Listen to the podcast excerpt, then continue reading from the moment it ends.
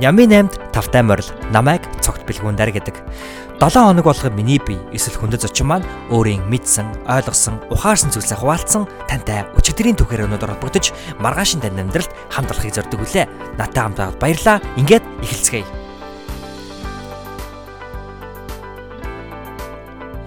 Сайн бацхан сонсогчдоо та бүхэндээ энэхүү подкастыг сонсож буй ям гаргийн, даваа гаргийн, мегабар гаргийн, лав гаргийн, пүрүү гаргийн, басан гаргийн мэндийг хүргье гэж. За тэгэхээр энэ удаагийн 30 дахь дугаар маань туйлын онцлогтой маш гайхалтай дугаар болж өнгөрсөн байгаа. Та бүхэнд маань таалагдана гэдэгт би маш их итгэлтэй. Ягаад гэвэл энэ удаагийн маань дугаарын зочин хэн бэ гэхээр Америкийн нэгдсэн улсын Вашингтон DC хотноо American University их сургуульд олон улсын харилцааны мэрэгчлэр суралцдаг Ананд найз маань оролцсон байгаа. Бид бүхний дунд Ананд Тошка нэрээрээ маш их танигдсан шүү дээ. Тэгэхээр энэхүү American University гэдэг их сургууль бол олон улсын харилцааны мэрэгчлэр суралцж байсан миний хувьд бол маш одоо мөрөөдлийн сургууль. Энэ бол Америкт төдийгүй дэлхийд даярах бүх олон улсын харилцааны мэрэгжлийн сургуулийн дундаас хамгийн number 1 буюу дэлхийн топ олон улсын харилцааны мэрэгжлийн сургууль гэдэг. Тэгэхээр уг сургууль тус сургууль суралцдаг андтайгаа ярилцсан байгаа. За түүнээс гадна энэхүү 30 дахь дугаарт бол бид гуруулаа ярилцсан байгаа. Тэр 3 дахь хүн маань хэн бэ гэхээр зочин хөтлөгч 58 маань бид бүхний сайн мэдих 55 номын хилэлцүүлгийн хөтлөгч 58 маань бид бүхэнтэй нэгдэж зочин хөтлөгчөөр оролцсон байгаа маа. Тэгэхээр бид гурав бол маш олон гайхалтай яриаг бол өрнүүлсэн. Тийм учраас танд маш их таалагдсан гэж би туйлын хэтгэлтэй байна. Бид бид гурван ярьсан зарим зүйлсээс дурдах юм бол а өнөөдөр залуу үеийн төлөөлөл болсон бид хэд тийм ээ өөрсдийнхөө амьдралыг хийгээд Монгол улс их орныхоо ирээдүг ер нь юу гэж харж байна. За мөн хүнд өөрт буй зан чанар авир гэдэг бол яг үнэндээ сонголт болох тухай. За мөн та амьдралдаа дадал зуршил ямарваа нэгэн зүйлийг өөрийнхөө дэг рутин болох гэж байгаа бол ер нь ямар алхмуудыг авах нь чухал. За тэгээ ялангуяа фитнес дээр бид хэд жишээ авч нэлээд ярьсан байгаа. Хэрвээ та фитнестэй төдийл явахгүй, фитнес явна гэсэн зорилго тавьчих явахгүй байгаа бол магадгүй энэ дугаар танд нэгэн шин гайхалтай аргуудыг өгч болох юм. За үүнээс гадна ер нь өнөөдөр бид нэр бие биендээ яагаад маш ихээр урам зориг хайрлах ёстой тухай ярьсан байгаа. За мөн бид хэд ер нь бол хайраа ер нь яагаад маш сайн илэрхийлж гаднаа илэрхийлж гаргах ёстой юм тийм ээ. За тэгээ эцэст нь бид хэд ер нь гэр бүлийн хүмүүжил бид бүхний эцэг их биднэрт ер нь ямар хүмүүжлийг өгсөн ер нь гэр бүлийн хүмүүжил ямар чухал болох за тэгээд ер нь бидэрт эцэг ихээс маань тийм ээ үлдээсэн өгсөн хамгийн гайхалтай зөвлөмж, сургаал юу нь юу байсан бэ гэх мэтчлэн бусад олон гайхалтай сэдвийн талаар бид гурав бол ярилцсан байгаа. Тэгэхээр гурван найзын нэгэн гайхалтай ярилцлага та бүхэнд таалагдана гэдэгт би туйлын ихтгэлтэй. Ингээд хідүүлээ подкаст руугаа үсэрцгээхөө. Тэгцгээе. Тгий. Үсрий. Орцгоё. Үсрий. Одоо яг үсрий. Үсэглээ.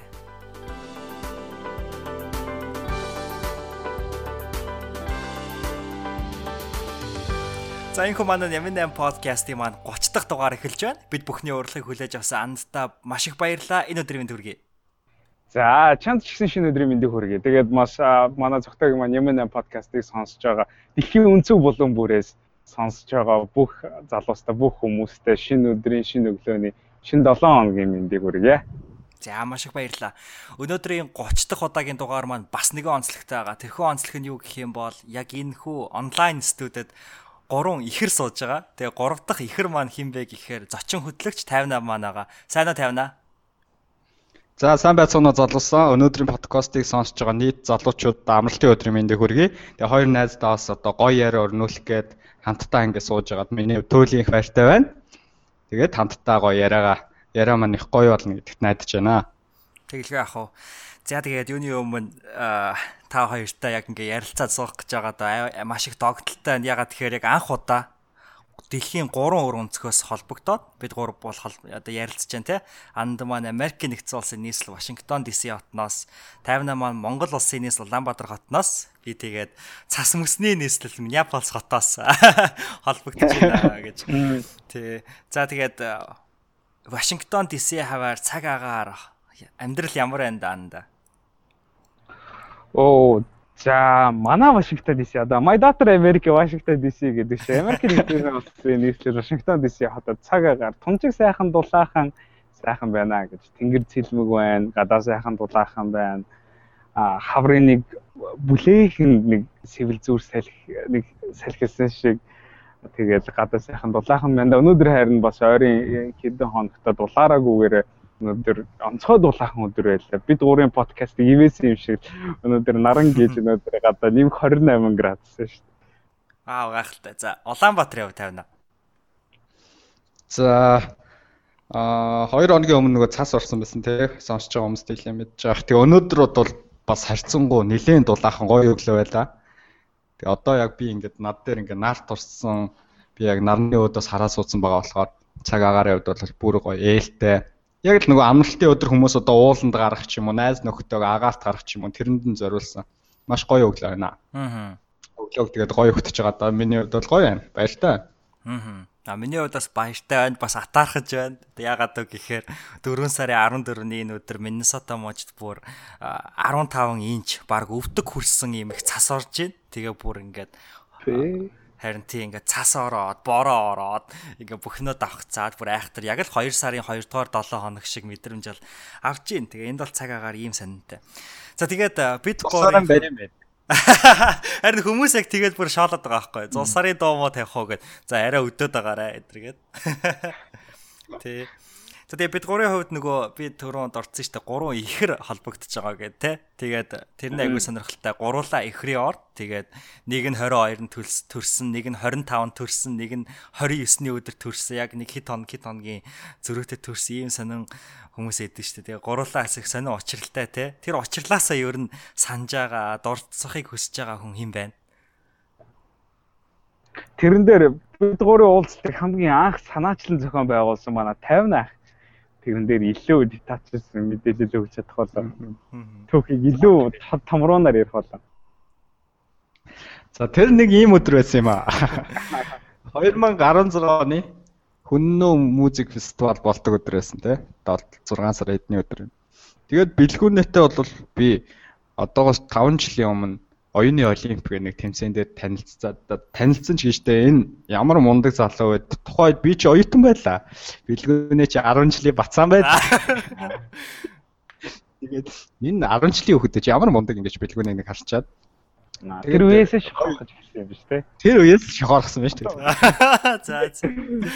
Тэгээд тайзан дээр байхыг харчаад энэ 10 жилийн хүүхэд ч мундаг юм аа гэж бодсон. Тэгээд битээр гар мар барьж би бинтэйг уулзаач. Ягаад гэхээр өсөлдөгч нар байсан юм чинь нэг тайзан дээр өсөлдөж байсан.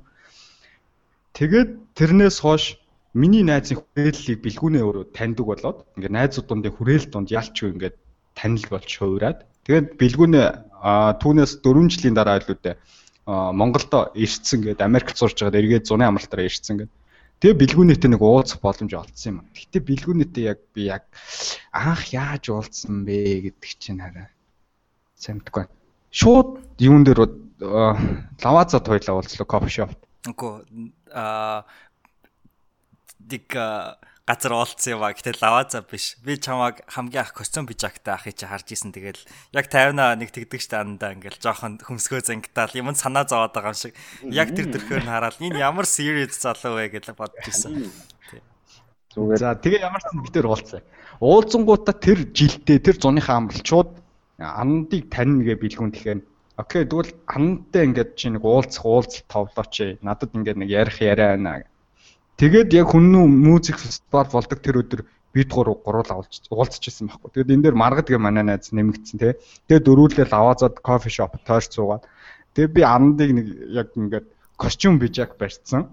Тэгээ нэг юм зуны шилип малгай гэдэг хэлээ. Тийм малгай барьсан ингээд нэг чухал залуу орж ирж байна. Тэндээс инээнсэглэл тодорол. Тэгээ орж ирээ суугаад тэр чинь нөгөө орой шоуд байсан юм чи тий.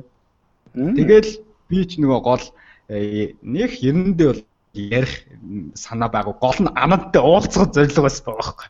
Өстөр хантай уулзаад ийм юм хий, ийм надад ийм гой санаа байна гэдэг тийм санаа бодлоо нэг том санаа бол байгаагүй. Тэгж анх анантайгаа ингээд уулзахын тийм нэг зорилго уулзах зорилго байсан. Тэгээ бэлгүүнээрээ дамжуулаа уулзсан битээр бид гурав.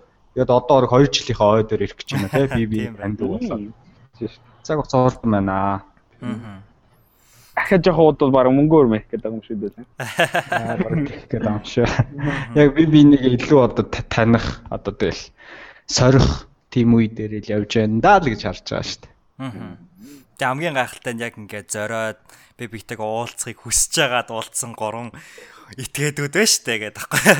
За тэгэхээр анд маань ойрын үеийн сонин хачин ер нь хүмүүс маань их асууж илээ. Одоо юу хийх гээд байна? Ойрын үеийн уран бүтээл юу байна гэдэг жисэн. Тэгээ анд маань хэд хоногийн өмнө Mongolica Edu гэдэг а боловср залуусын боловср чиглэсэн cool компани бид бүхэнд бас нэг хальт танилцуулаад орхисон тийм ээ.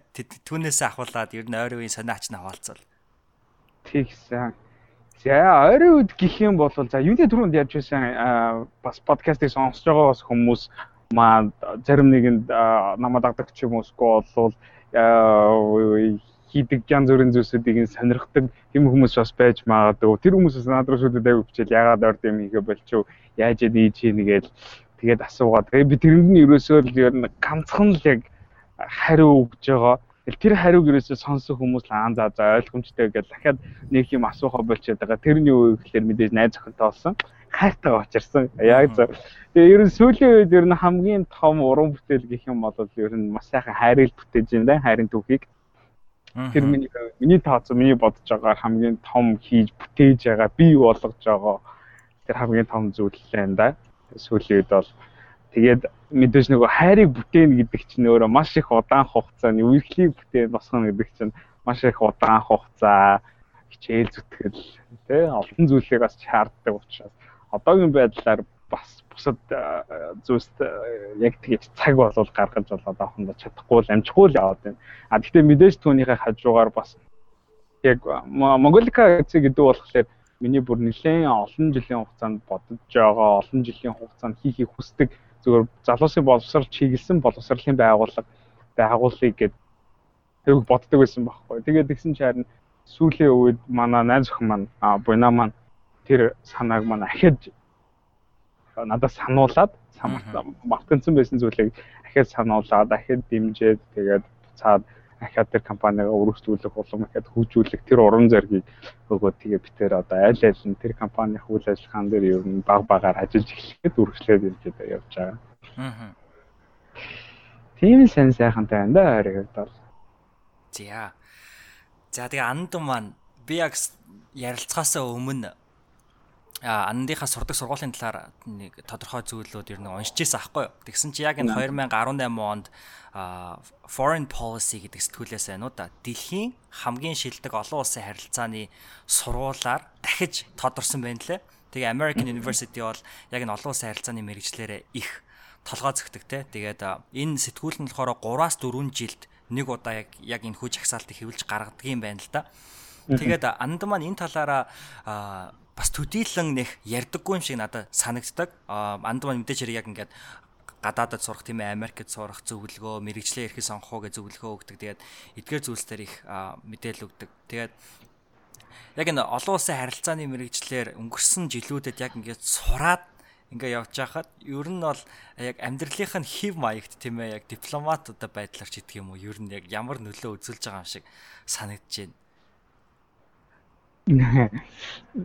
Уунадаас огт асууж байгаа асуу асууж байгаагүй асуулт байна. Тийм учраас бас яг нэрэн гисэж яг бэлгүүнийг асуусан чинь нэрэн гис ямар өөрчлөлтүүд гарч байгаа болоо гэж айгүй бодогдчих шүү.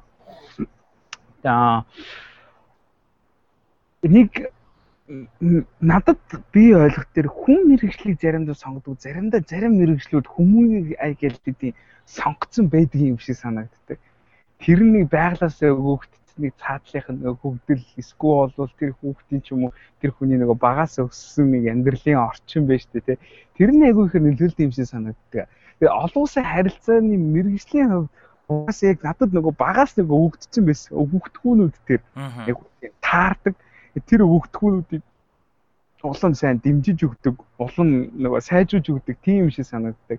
Жишээлбэл ярих юм бол одоо нөгөө олон улсын харилцааны мэрэгчлээ сурж байгаа дипломат болж байгаа хүмүүсийн хувьд ер нь тэр альва нэгэн асуудал дээр тийм уян хатан хандах, альва нэгэн хүмүүсийн арга хэвийг их олох, зөөлөн байх, тэр эмоцоо ч юм уусгүй бол яг тэр үеийн сэтгэл хөдлөлөө тэгж дарж өдөрдох гих мэтчлэн тиймэрхүү зүйлсүүдийг агүй ихээр тэр дипломат хүнээс яг шаарддаг. Тэгээ надад болохоор багаас яг тийм өгдлүүд агүй байдаг байхгүй. Жишээлбэл тэгэл нөгөө манай аав ээж чи хооронд ингээд мэдээж гэр болсон хооронд түр таар олон маргална те санал зөвлөлтөн. Тэгэл тэгэнгүүт нэг аав дээр очиж ээж таны тэгж магтчихил ээж таны тэгж хэлж идэг. Нэг аав дээр очиж тэгэл нэг ээж дээр очиж аавтай тань тэгэлсэн ингээд амар гимсчихлээ гэл Тэгэл тэр хоёрын хооронд дундаг бараг хор гэх юм уу эсвэл одоо найр гэх юм уу гэж аль аль нэг нь хутгасаар байгаад тэр хоёроо заримдаа эвлэрүүлнэ. Тэгээд нэг тиймэрхүү тохиолдол зөндөө олон байдаг байсан. Тэгээд тиймэрхүү зүгээр жишээнүүдээс аваад ер нь үзүүл би өөрөө хүн нь тэр олонсан харьцааны мэрэгчлээ айгуу тийм таарах хүн юм шиг байгаа. А тэгээд сүүлийн үед зүгээр энэ мэрэгчлийн хувьд надад юуг хамгийн ихээр олгоод байгаа гэвэл зүгээр алионыхын бидний өдөр тутам тулгамдж байгаа асуудал тийм маш өргөн цар хүрээтэй тийм комплекс тийм асуудлууд маш их байдаг юм байна. Тэгээ тэрийг яаж аль болохоор олон талаас нь олон өнцгөөс харж ойлгох вэ гэдэг дээр л надад хамгийн ихээр юм зааж байгаа юм болов. Би бол тэгж бодож байна. Аа. Тиа. Тэгээ энэ дээр нэг сонирхолтой зүйл байна л да. Анд болохоор өгөгдөл нөгөгдсөн гэдэг гэж штэ те. Ингээд багасаа яг өөрийгөө ер нь бол таниад мэдсэн яг энэ чадрууд байгаа гэдгийг мэддэг байсан гэд. А 58 маань тийм ээ сүүлд маргаашийн манлайл хоёр ивэнттэй ихтгэл тавихтаа ер нь өөрийнхөө яг сонгосон мэрэгжлийг бол өөрөө сонголт хийж өөрөө тэр тал дээр сонирхолгүй байсан ч гэсэндээ сонголт хийгээд түүндээ маш их цагийг зарцуулсаар агаад өөртөө өөрийнхөө яг гарт эзэмшиж тийм ээ мастер нь болсон гэсэн утга санаатай ихтгэл тавьсан байсан те. Тэгээ энэ дээр яг бас ингээд хоёр өөр талаас мэрэгжил сонгож болдгийг яг ингээ хоёр хүнтэй зэрэг ингээд ярилцж байгаа надад маш сонирхолтой санагдаж байна. 58 маань юу гэж бодож байна? Аа. Мм миний хувьд бол яг сонголтын хувьд хүн болгоных л өөр байгаа тий. Жишээ нь анны хувьд 10 жилдээ байхдаа ч юм уу өөрийнхөө яг юунд дуртай би юу хийхээр тэндээс түүнээсээ ажралыг мэдэрдэг. Тэрийг өөрөө ингээд дотроо ихтгэл үнэмшлэнд бат байгаа тохиолдолд бол тэр хүн тэр мэрэгчлээ сонгоод явхад бол алдах юм байхгүй шүү дээ. Яг тэгэхээр тэр дуртай юмаа сонгож юм аа түүний талаар тодорхой хэмжээний мэдлэгтэй байна тийм. Аа миний хувьд бол нөгөө эсрэг байр суурьтай юм байсан байхгүй. Надад юу хийхээрээ дуртай байдаг. Надад яг аль нь хэрэгтэй трийгээ би сайн мэддгүү. Магадгүй түүндээ баг цаг зарцуулсан ч юм уу түүндээ маш их эргэлзэж байсан болохоор тухай зүгээр зах зээлийн хараад ирээдүйд илүү эрэлттэй байх тэр нөхцөл байдал нь хэрэм бэ гэдгийг хараад сонгоцсон байхгүй юу. Нэгэсэндээ сонголтгүй сонголтч гэх юм уу. Тухайн үед одоо та нар чи юунд дуртай вэ гэж надаас асуухад бол тэр надад агцсан асуулт байсан. Магадгүй одоо ч энэ надаас ингэж асуух юм бол одоо ч агцсан асуулт хэвээрээ байгаа. Тийм болохоор хэрвээ та ингээд дуртай зүйлээ ингээд сонгох гээд тэрийгэ мэдэхгүй эргэлзэж байгаа бол магадгүй төгс цаг хугацааг хайгаад ч юм уу те би дуртай зүйлээ ингээд олсон цагтаа түүнийгээ сонгоно гэж хүлээх биш. Зүгээр л нэг зүйлийг сонгоод чадахгүй зүйлээ барьж аваад түүнийг хийгээд үз. Магадгүй тэр том аялал дунд та ингээ гараа явж явахдаа нэр үүнд би үнэхээр дуртай юм байна. Үүнийг хийхээр би үнэхээр үзэн ядд юм байна ч гэдэг юм. Өөрийгөө таних тийм цагийг тэр аялал дундаас олох юм бодвол гэж бодоол тухайд барилгын инженер гэдэг мэрэгчлээ сонгосон. Энэ сонгосон хугацаанд л надад маш олон сорилтуудыг өгсөн. 58 гэдэг хүний характер нь юу юм? 58 гэдэг хүн төвчээрийн хязгаар нь яг аль хүртлээ явдгийг, юу хийхээр энэ хүн баярлаад байна юг хийж чадахгүй болохоор өөртөө уурлаад байна гэдэг юм уу. Тиймэрхүү зүйлийг мэдхэд л их тусалсан юм болов уу гэж боддог. Тэгэхээр хэрвээ дуртай зүйлээ олцсон бол үнэхээр азтай байна л гэж хэлье би. Гэтэ энэ бүхэн эхлэл эхлэл төдий. Тэгээд та олцсон гэж цаашаа тэр аяллалыг үргэлжлүүлэхгүй бол тэгэл олоогүйтэй л ялгаа авахгүй дээ. А дуртай зүйлээ олоогүй бол бас битгий шантраарай. Чадахгүй зүйлээ барьж яваал тэр аялал үздэг. Тэгээ аль нь ч байсан бол нөгөө зогсолтгүй явж байгаа хүнд бол зам нь бол үргэлжил салаа зам нээлттэй л ахах гэж бодож байна. Аа. Тиа. Ями намынхаа даймаа асуулт руу орж андынхаа энэхүү 7 хоногт танилцахаас өмнө би та хоёроос бас дахиад нэг асуух нэг сүүлчийн асуулт байна л да яг нэвтрүүлгийнхаа ихэнд. Тэгээд түрүүн та хоёр дээр одоо ингээд ондоо мэрэгжил сонголтын дээр ингээ ондоо зүйлсүүдээр тулгуурласан гэдэг гэж штэ. Бид гурав дээр болохоор нэг адилхан төстэй зүйл байна. Тэр нь юу гэхээр ингээ анд маань олон улсын харилцааны мэрэгчлээ тий. А 58 маань болохоор civil engineer мэрэгчлээ. Би болохоор улс төрийн мэрэгчлээ. За ингээд гурван өөр мэрэгчлээ мөртлөө бидний ингээд хийдэг тийм яг ингээд монголчуудаа ч юм уу контент үйлдвэрлэж байгаа ингээд хийдэг юм нь бол шал ондоо юмнууд хийдэг тий. Тэгээ би тэрнээс одоо юу гэж харж ин гэхээр жишээ нь подкаст Миний хувьд бол миний одоо мэрэгчлэлтэй нэг холбоотой биш. Гэхдээ би яг хуу дижитал медиагаар дэд мэрэгчлэл эзэмшиж байгаа учраас тодорхой байдлаар бол холбож болдог. Гэхдээ ер нь яг юу хэлэх гээд нэхээр одоо чи 58 маань номын хилцүүлгээд гэхдээ Антошко маань маш олон өөр төрлийн контентууд хийдэг тийм ээ. Тэгээ ингээд айгүй өөр өөр юмнууд айгүй сонирхолтой. Тэгээ ер нь яг яагаад ингээд өөр өөр юмнууд хийгээд идэв юм бэ? Андаа юу гэж бодож байна? Ер нь яг яаж ингэж их хичээлийнхаа хажуугаар, их ажлын хажуугаар эдийг бас зохицуулаад ингээд дуртай юмаа хийгээд болоод байна. Оо миний хувьд оо миний хувьд ер нь хамгийн анх контент ер нь гаргаж хийсэн. Би зүгээр анх бичлэгээс эхэлжсэн зүгээр. Нэг бичлэг янзлдаг, бичлэг нэг өөр байдлаар хийж үз. Тэгээд миний хувьд би бичлэг хийгээд тэгээд нөгөө бичлэг хийчээд тэр хүндээ үзүүлсэн чинь тэр хүн нөгөө төрсөөд нь олж ирсэн. Тэгээд оо ямар гоё юм бэ гэд тэр бичлэгнээс бүр айгүй тийм нэг гоё нэг юм ад шаргалыг мэдрээ тэр хүнд айгүй тэр бичлэг таалагдаад тэгээд яг тэр хүнд ямар мэдрэмж төрүүлж байгааг би яг хажууд нь зогсож байгаад би харсан байхгүй юу. Тэгээд ихэд оо эн чинь нэг гоё шинэлэг контент гэдэг юм гоё өөрөө сэтгэж хийгээд өөрөө тэр хүн сэтгэлээ гаргаж зориулж хийгээд ингээд үзүүлээд зориулах нь тэр хүнд бас үнэхээр гоё мэдрэмжийг төрүүлж болдог юм байна. Нэрвүүлээ тэрнээс тэр хүнийг талархж байгаа тэр хүнийг инээж байгаа баярлж байгаа гэдгийг нь хараад эргүүлээд надад айгу гой санагдсан болохоор ер нь тэрнээс хойш ер нь контент ер нь хийж эхэлсэн. Аа тэгээд яг зүгээр нийтэд зориулсан одоо юу гэдэг Facebook дээрээ ч юм уу янз бүрийн лайвууд хийдэг, янз бүрийн бичлэг гентрүүд хийдэг байсан. Тэд нар болохоор зүгээр манай бас яг нийгэмд айгүй тийм дутагдаад байгаа хэрэгтэй контентуудын хорон зайг жоохон чадах ядхаараа өөрөөхөө мэддэг зүйлээр сулгуурлаад нөхөж өгдөг юм уу л гэж харин би бодож ирсэн. Тэгэл ер нь тэрнээс хойш л ер нь яасан дөө. Аа. Тэнд айгу дуртай болсон дөө. 51-ийн үед маань ямар байсан? Аа. Миний хувьд би бол яг үндэ контент ингээд үйлдвэрлэнэ гэж өөрөө бол баг одоо 2 жилийн өмнөөс өмнө төсөөлж байгаагүй те. Тэгээ анх яагаад ийм зүйлийг эхлүүлсэн бэхээр зүгээр нэг ном уншаад тэгээд тухайн номыг уншичаад ингээд бусдад хүргмээр тийм нэг сэтэл өрөөдсөн байхгүй нөө ганцаараа ингээ уншицсан. Тэгээд хин нэг үүнийг мэдчихээсэй гэд тийм нэг сэтэл байгаад байна л та тий. Ямар гоё энэ ном дээр бичсэн бэ? Үүнийг нэг хүн мэдээд амьдралтаа хэрэгжүүлчихээсэй гэдэг нэг гоё сэтэл төрөөд. Тэгээд анх Facebook live хийж үзмээр санагдаад тэгээ найзуудынхаа дэмжлэгийг аваад эхлүүлсэн. Тэгээд нэлээд олон хандлт авсан. Тэгээд үүнийг цааш нь үргэлжлүүлж болох юм байна гэдэг сэтэл төрсөн. Найзууд маань зэн дэмцсэн те. Анд бэлгүүнэ. Цааш нь ингээ хийгээ бол гой санаа байна болж байна. Энэ хүмүүсийн дэмжлэг урмаар ингээ цааш хөглөгдөж явсан. Тэгээд би контент гэдгийн хувьд хүн болгоно л иймэрхүү зүйлийг хийхийг хүсэж байгаа ах гэж бодож байна миний. А зарим нь массын хувьд харуул. Яагаад тэгэхээр хүн болгон бусдын хувьд өөрийгөө нэг онцгой гэдгийг мэдрэх мэдрэмж байдаг юм байна л да. Би энэ хүний хувьд нэг онцгой байх те Тэр нь ингээд нэг хэрэгцээч гэдэг юм.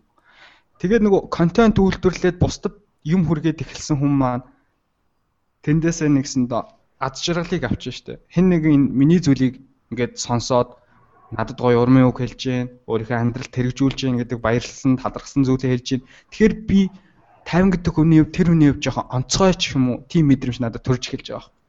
Тэгэхээр цааш нүунийг үргэлжлүүлээд яв. Илүү олон хүнд нөлөөлөх хийсэн гэдэг тийм гоё урмаар хөглөгдвөл цааш нь ингээд зогсолтгүй хийгээд яваад идэг юм болов гэж миний хувьд боддог. Аа зүгээр энэ дээр ганц зүйл нэмээд хэлчихэд би сүүлийн үед бол үнэндээ жоохон зогсон байдалд орсон. Яг хүн бол зогсож болохгүй юм байлээ. Одоо анзаарвал би номын хэлцүүлгээ сүүлийн хэдэн сар хийсэнгүй шүү дээ. Яагаад гэхээр зүгээр шалтак тоочж байгаа. Нөгөө ажиллаа хийгээд хүн ажилдаа хийгээд түүндээ сэтгэл ханамжтай болоод байна л та ажил маань хийгээл болж гин. Үүнээсээ би кафег авч гин. Ад жаргалыг мэдэрч гин.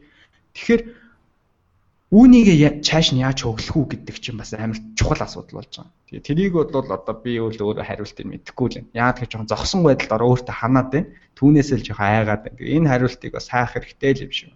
Магадгүй та хоёр бас энэ хариултыг мэдчихэж магадгүй. Ер нь бол жоохон зогсон байдалд орох гээд байгаа. Ажлаа хийгээд түндэл болоод байна гэх болоод байгаа мэдрэмж авахгүй сонио. Аа. Дуртай юм хиймээр байдаг. Тэгсэн чинь бас айгүй их яг амьдралаа болгохын тулд тийм ээ.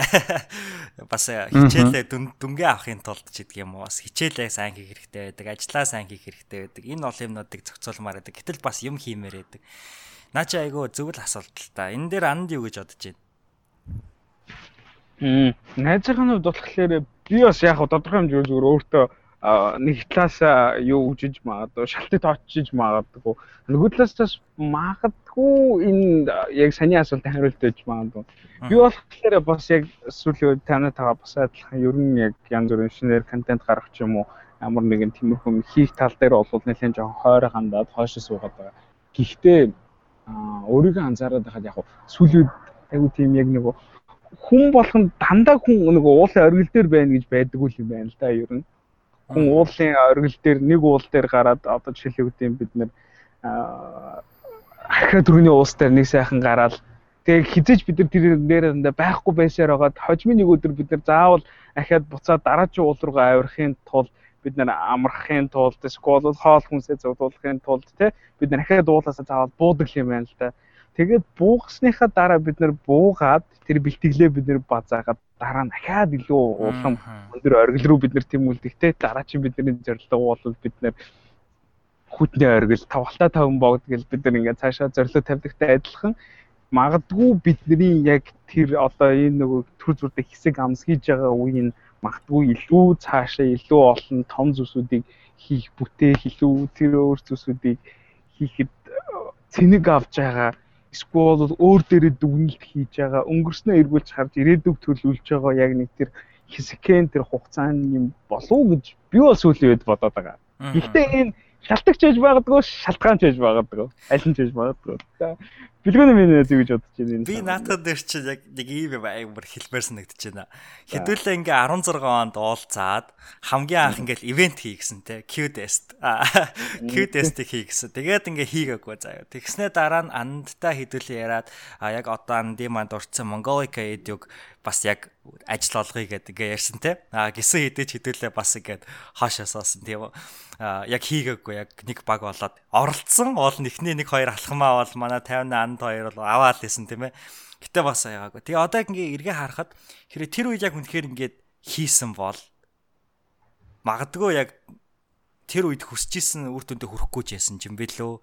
Аль эсвэл одоо яг ингээд хэдүүлээ ингээд тун утахгүй уулзалтаад уучраад яг тэр хүү хийхийг хүсэж исэн зүйлсүүдээ хийх тэр одоо сэтэл хүсэл бол одоо бүр ингээд бүр 16 оныхаас ч илүү их болиглаад байгаа байхгүй. Ягаад тэгэхээр нөө тэр үедээ хийж чадаагүй учраас одоо ингээд одоо л хийхгүй болохгүй байгаад байна гэсэн нэг тийм мэдрэмж ингээд байгаад байгаа учраас тэр нь айгу бас ер нь би бол миний угаасаа хов хүний юм гэвэл болох хэвээр юм болох үедээ л болдог гэсэн нэг тийм философитой ч гэдэм үү те тийм байхгүй. Тэгэхээр надад бол тэгж санагдаад байна.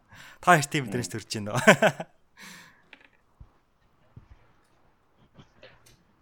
Та намайг юу гэж бодож байна? Миний хувьд мэдээж аа яг ингээ хүлээлт ингээ түн байгаад байдаг. Тэгээд тэр хүлээлтийг ингмээр юм шиг санагцсан.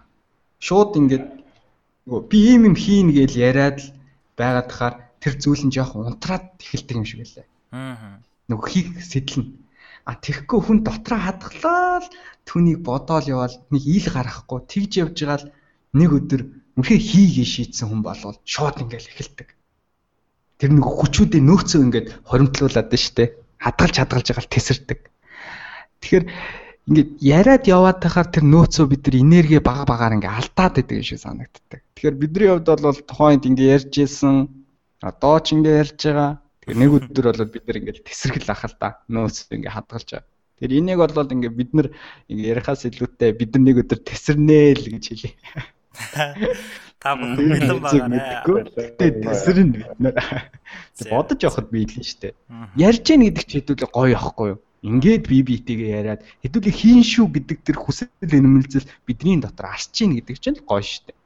Тим сэтэл байгаа нь гоё.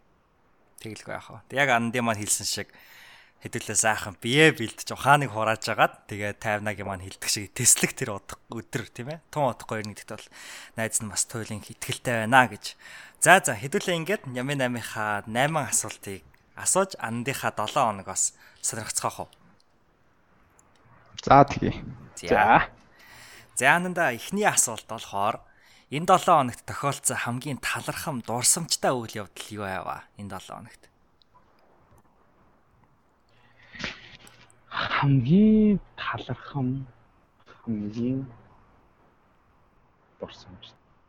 За хамгийн дурсамжтай үйл явдалгүй яг гэхдээ хамгийн түрүүн сэтгэлд орж ирж байгаа тэр хамгийн түрүүний бодол тэр л хамгийн зөв бодол баг л та. Тэгээд хамгийн түрүүнд юу бодогдсон бэ гэвэл өчигдөр байна уу? Тэг өчигдөр штэ. Тэрийг айгуу хүн сэтгэлдээ бид нэр бодож байгаа. Тэгээд түрүүн л бас яг нөгөө олон улсын харилцааны мэрэгжлийн хүний хувьд нөгөө олон улсын маш мэдээ янз бүрийн зүйлс маш их үзэн. Ялангуяа манай сүүлийн үед сэрд байж байгаа асуудал улам л илүү хурцтаал бид нэр баг багаар л ахиаллахын 3 дугаар данч эсвэл нэг том хэмжээний том улс орнуудын зэсэгт тийм мөргөлтөөнд улам л төхөөл байгаа юм шиг санагдав. Тэгээд тэглээгээд тэнд яг байгаа ард түмний зовлонгийн нулимсаар бид нэр тэр юунд л орно л доо сөрөлдөөнд орно л доо тэгээд бид нэр бас яг байж байгаа сүүлийн 7 хоногт Дума хотод бас яг юуны химийн зэвсэг ашиглалаа. Тэгээд стөнгөж шидэрхэн Америк Франц Их Британий хамтарсан цэргүүд бас тэрэн дээр агаарын цохилт өглөө. Гэ тэгээд өчигдөр бид нэр ингээд бодоод яг тэр мэдээг унснийхаа дараа за бас нөгөө талаас бид нэр хэдий асуудалтай улс орнд байгаа ч гэсэн бас бид нар үнэхээр тийм өнөөдөр бид нар яаж амин зуух уу яаж амьд гарах өгчгүйгэн шиг бид нар яаж байх уу гэдэг тэр бас бодол тэр аюул биднээс бас хол байгаад би маш их талархсан шүү. Яг чин сэтгэлээс сэтгэлийнхээ гүнээс. Бас ядчил би одоо хүний нутагт ингээд байгаа сурж явж байхдаа ч гэсэн би хон гэрте байгаа хин нэгэн маань бүдүүлээд өнөөдөр гэхэд маргааш хэд байхгүй болчихгүй дээ гэдэг тэр бид нар айдас байхгүй байгаад би бас л дотроо бид нар ч бас тодорхой хэмжээгээр үнэхээр азтай тим арт юм юм да гэж бас өчтөр бол яг үнэхээр бодсон. Гэтэ яг мэдээж тэр бодлын хажуугаар бид нарт өөрсдийн сонголтоос үүдсэн бидэрт муу шийдвэрүүд муу үр дагавартай муу шийдвэрүүд муу нөхцөл байдал мэдээж байгаа л та олон байгаа түүнийг үс. Гэхдээ үргэлж бид нараас тодорхой хэмжээр аливаа нэгэн зүйлийн эрэг талыг нь хардах хэрэгтэй. Эрэг талыг нь харж суух хэрэгтэй. Тэгээд өчигдөр бас яг тэр талыг нь хараад тэрэн дээр үнэхээр талхсан шүү. Тэгэхээр хамгийн түрүүнд сэтгэлд орж ирж байгаа бодлон тэр байсан учраас миний бодлоор энэ 7 хоногийн хамгийн талхсан зүйл нь тэр л ах. Яс нь бол гэж бодож байна. За амд ярьсан яриан дээр найзан зүгээр нэг юм бодлоо л да сүүлийн үед надад бодогдож байгаа зүйл бол яг юм аа. Залуучууд бид нар юм уу одоо 30 насны эдэр насны хүмүүс юм уу хүүхдийнхээ ирээдүг 20 30 жилийн дараах ирээдүг нь ингээ гадаад байгаагаар харж байгаа гэдэг тийм зүйл бол хүмүүсийн дунд их яригдж байна л да. Би энтэй бол нэг энэ нь бол санал нэгдэж байгаа. Яагаад тэгэхээр хүмүүст одоо тийм итгэл гэдэг зүйл байхаа болчихчихлээ 20 30 жилийн дараа эх орон минь одоо өнөөдрийн байдлаар ингээ харах юм бол яана тий хүүхдүүд юм ирээдүй яана гэж таксинд суугаал тэр ахтай яриа өрнүүлэхдээ тийм яриа өрнж байгаа байхгүй. Тэгээ 20 хүүхдээ одоо багаас нь гадаад хэл сургаа тий их сургуулаа төгсөнгүүт нь хариу орон сурган ч гэдэм юм уу ирээдүйдэр нь хүүхдийнхээ амьдралыг баг ингээ харь орон төсөөлөд байгаа байхгүй юу. Аа. Тэгэхээр энэ итгэл үнэмшил бол нэг талаараа аим шигтэй итгэл үнэмшил хүмүүс ингэж төсөөлж бүр хардаг болоод байна л да. Мас яах вэ? Улс орон болохгүй байгаа хэцүү байгаа үнэн. Гэхдээ яг амнуудын хэлсэн дээр дөрөөлөд харвал арай бид нар том зургаар хараад дэлхийг ингээд харах юм бол те гадны улс орны түүхийг ингээд харах юм бол Монголтой л адилхан тэд нар ийм бэрхшээлийг даваал гарсан байгаа шүү те. Авилгал байсан уу байсан. Энэ хүчирхийл байсан уу байсан. Ядуу зүдүү байдал энэ эдийн засгийн уналт өрөндөө баригдсан үе улс орон болгонд л байсан байгаа шүү. Гэхдээ тэрийг залуу сэхэтнүүд нь залуучууд нь ихтгэл үнэмшилтэй байгаа тэнцээ залуучууд нь боловсралтай байсны үр дүн 20 30 жилийн дараа түүнийг улс орно босгож ирсэн тийм түүхүүдийг бид өчнөө л харж байгаа шүү. Тэгэхээр залуучууд бид нар гол нь ихтгэл үнэмшилтэй байх хэрэгтэй юм шиг. Ирээдүгөө эх орноо гайхалтайгаар төсөөлж хараа. Өнөөдөр хэцүү байна. Гэхдээ ирээдүйд бид нар энэ гайхалтай эх орныг гоёор бий болгох чадал нь боловсрал нь биднэрт байгаа ч гэдэг юм. Тэгэхээр залуучууд маань юмыг тэр том зургаар хараад их гоё өөдрөгөөр сэтгээд өнөөдөр өөрсдийнхөө хийж байгаа зүйл дээр илүү гоё итгэлтэй л байх хэрэгтэй болов уу гэж бодоод байдаг.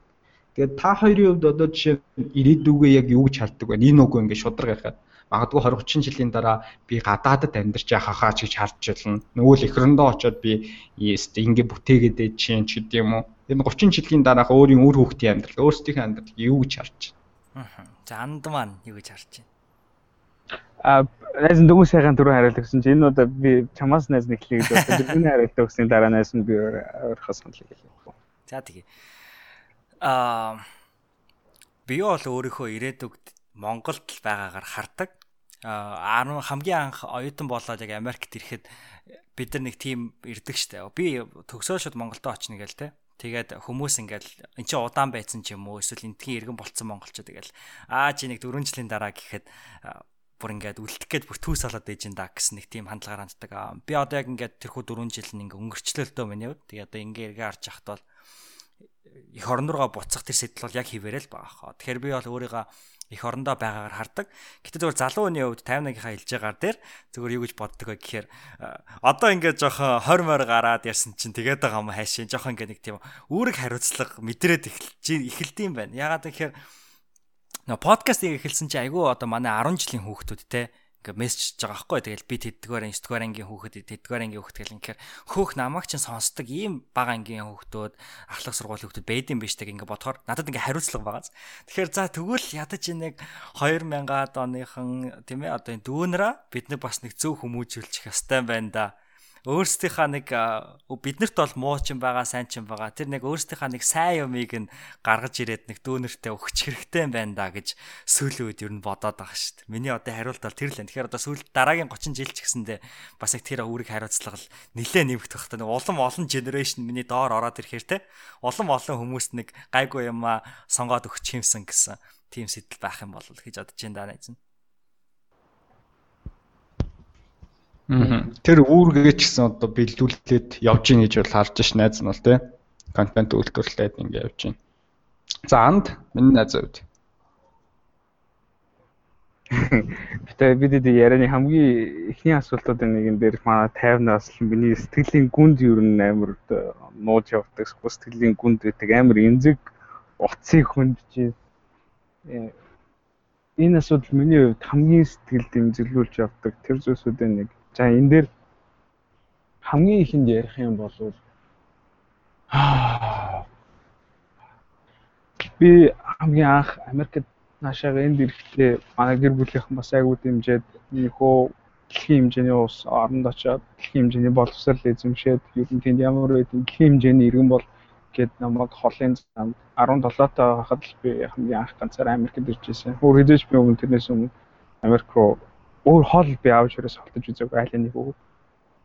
Тэгээд Америкт хамгийн анх ирчээд энэ бүх юм ямар амар байгаад би амар гайхсан. Амар тийм амар ч юм шиг. Энд хүн ажиллаа хийгээл мөнгө олоод тэгэл татвараа төлөөл тэгэл үж явал кредит картаараа хүссэн багаас ардаа худалдаж авчаа сарынхаа сүлд бид нэр цалингаа буцааж өгчвөл тэгэл амар амар хамгаалсан ямар ч асуудалгүй энэ хүмүүс яг тэгэл амьдэрдэг. Нэг талаас үнэхээр гоё яаж чаргал нөгөө талаас үнэхээр өөдөртэй яг үнийг хэлэхэд. Гэхдээ мэдээж гэр бүлтэй мэдээж энд байгаа хүмүүс тэр мэдээж гоё л байдаг байх л та. Тэгээ яг энэ нөхцөлд залуус орж ирээ. Зөвхөн энэ нөхцөлийн талаар тэр бодлыг яриаг энд байгаа хүмүүс Монголд байгаа хүмүүст түүнийг ярингууд Монголд байгаа бидний хэцүү нөхцөл байдалтай утаатай түүжрэлтэй хүмүүс нервтэй стресстэй цалин багтаа энэ нийгэм дотор байгаа хүмүүс угаасаа инстинктээр энэ нийгмээс зүгээр цухтахыг боддог. Амраа боддог.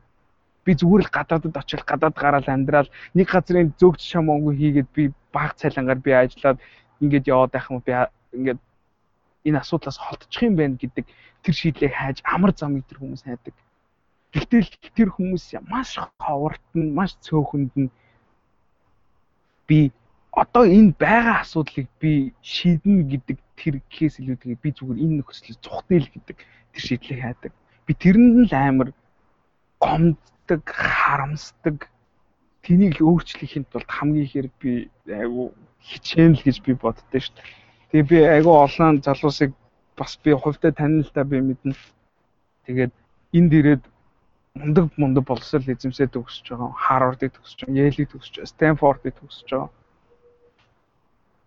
Хүмүүс манай сүүлийн үеийн залуучууд тэр хүмүүсийг улам ихээр жишээ болгож хараад улам ихээр тэр хүмүүсийн залуучуудыг улам ингээл тийж яхаа боловч би хувьдаа яг буруу бодож иж магадгүй л энэ гэхдээ миний зөвхөн хувийн л бодол. Тэр хүмүүс бүгдээрээ эхнээс нь эхлээд дуусах хүртлээр улсынхаа өмнө тэр хүмүүс өөртөө гэж бол би хувьдаа боддог. Миний хувьд.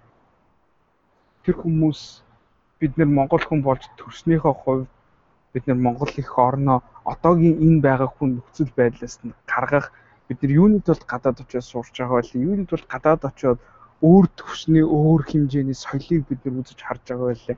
Бид нар эндээс шийдлийг нь бид нар олж сураад аль болох хурдан очиж Монголд очиод үүнийг бид нар өөрчлөх ёстой. Нэг бүхэл бүтэн үе өөрсдийнхөө амьдралыг золиослжиж тэр улс амжилтанд хүрдэг жишээнүүд айгүй олон байна. Жишээлбэл Солонгос байгаа. Хоёр Солонгосын дайм 1950-ад оны үед дуусны дараа тэрнээс өмнө Солонгос юу ч оронгүй ямар ч үйлдвэрлэл хөгжөөгүй маш буур оронд нэг байхад 60-ад оноос 80-ад оны хооронд 20 жилийн хугацаанд бүхэл бүтэн нэг үеийнхэн өглөөний 5 цагаас шөнийн 11 цаг хүртэл бүх хүмүүс нь хоолондгүй бүгдээ ажиллаж иж өнөөгийн одооны Солонгос улсыг бий болгохтой адилхан. Манай Монголын залууч гэсэн бас нэг үеэ өөрсдийгөө бодохгүйгээр хойч үе ирээдүгөө бодож өөр хүүхдүүдэд бодож өөрсдийгөө нэг золиослох үз тийм хэмжээний сэтгэлтэй тийм хэмжээний ухамсартай байхасаа л гэж би чин сэтгэлээсээ хүсдэг. Тийм учраас би аав ээж хоёртоо ялангуяа аавтайгаа би энэ дээр маш хэмжээний маргад яг л манай аав мэдээж л аав ээж болсон хүний хувьд тайван амгалан газар амжилттай. Тийм газар л амьдраасаа хорт утаанаас хол байгаасаа гэж сэтгэлийнхээ гүнт хүсэж байгаа. Би бол тэрийг үнэхээр ойлгосоор арга.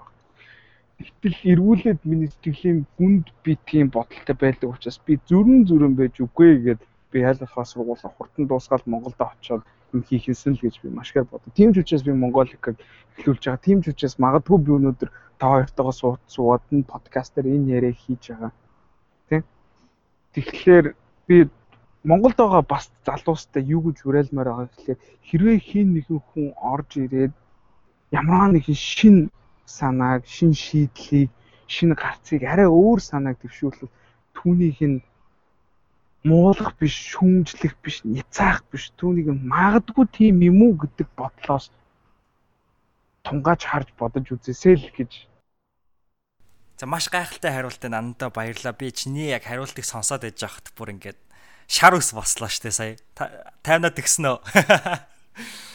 Би бүр дээврэх зүйлүүд бодогдож байна. Аа. Би бол яхаа аргагүй бүр гэ шар ус босоод үнэхээр бүр өөрийнхөө өөрийгөө золиосломор санагдлаа гэдэг байхгүй. Тэгэхээр маш гайхалтай хариулт байна. Тэгээд хэдүүлээ ингээд хэдүүлээ хоёр дахь асуулт руу оръё те. Аа. За Анди маань хувьд тийм ээ энэ 7 хоногт онцлох ном ном ном гинэ ном сонин медиа артикл эсвэл дижитал контент юу байсан бэ? Энэ 7 хоногт онцлох ном уу? За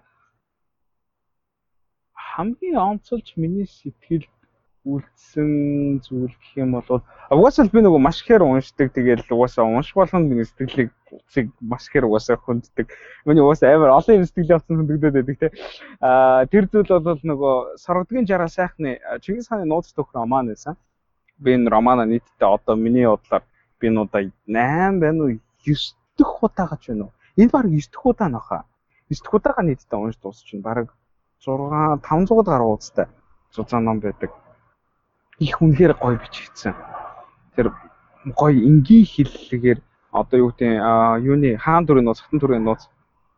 Тэгээд тэр номнууд харьцуулбал тийм түүхийн ном хэрнээ их энгийн хэллэгтэй тэгээд маш олон тэр монгол хүний сэтгэлгээний тэр өвөрмөц байдал, тэр цар хүрээ, нийгмийн аж байдал, гэр бүлийн хоорондын харилцаа, хосын харилцааны ухаан гэх мэтчлэн айгүй олон тэр өөр өөр тэр сэдвүүдийг өөр өөр тэр нөгөө төр жанруудыг дотроо агуулсан тийм роман аахгүй унших болгондоо нэг шин зүйлийг унших болгоно нэг шин зүйлийг ухаарна. Тийм учраас энэ 7 хоногт би яг нөгөө түүнийг ахаад уншиж эхлүүлсэн буцаа болохлээр энэ 7 хоногт тэр ном ол гэж илүү онцлмаар санагдлаа. Тэгээд хэрэг тэр номыг уншиж үзээгүй хүн байгаа бол тэр номыг уншиж үзээр ялангуяа Монголын түүхийн тодорхой хэмжээнд мэдлэгтэй байж байгаа тэрийг уншиж үзвэл үнэхээр гайхалтай. Тийм байна.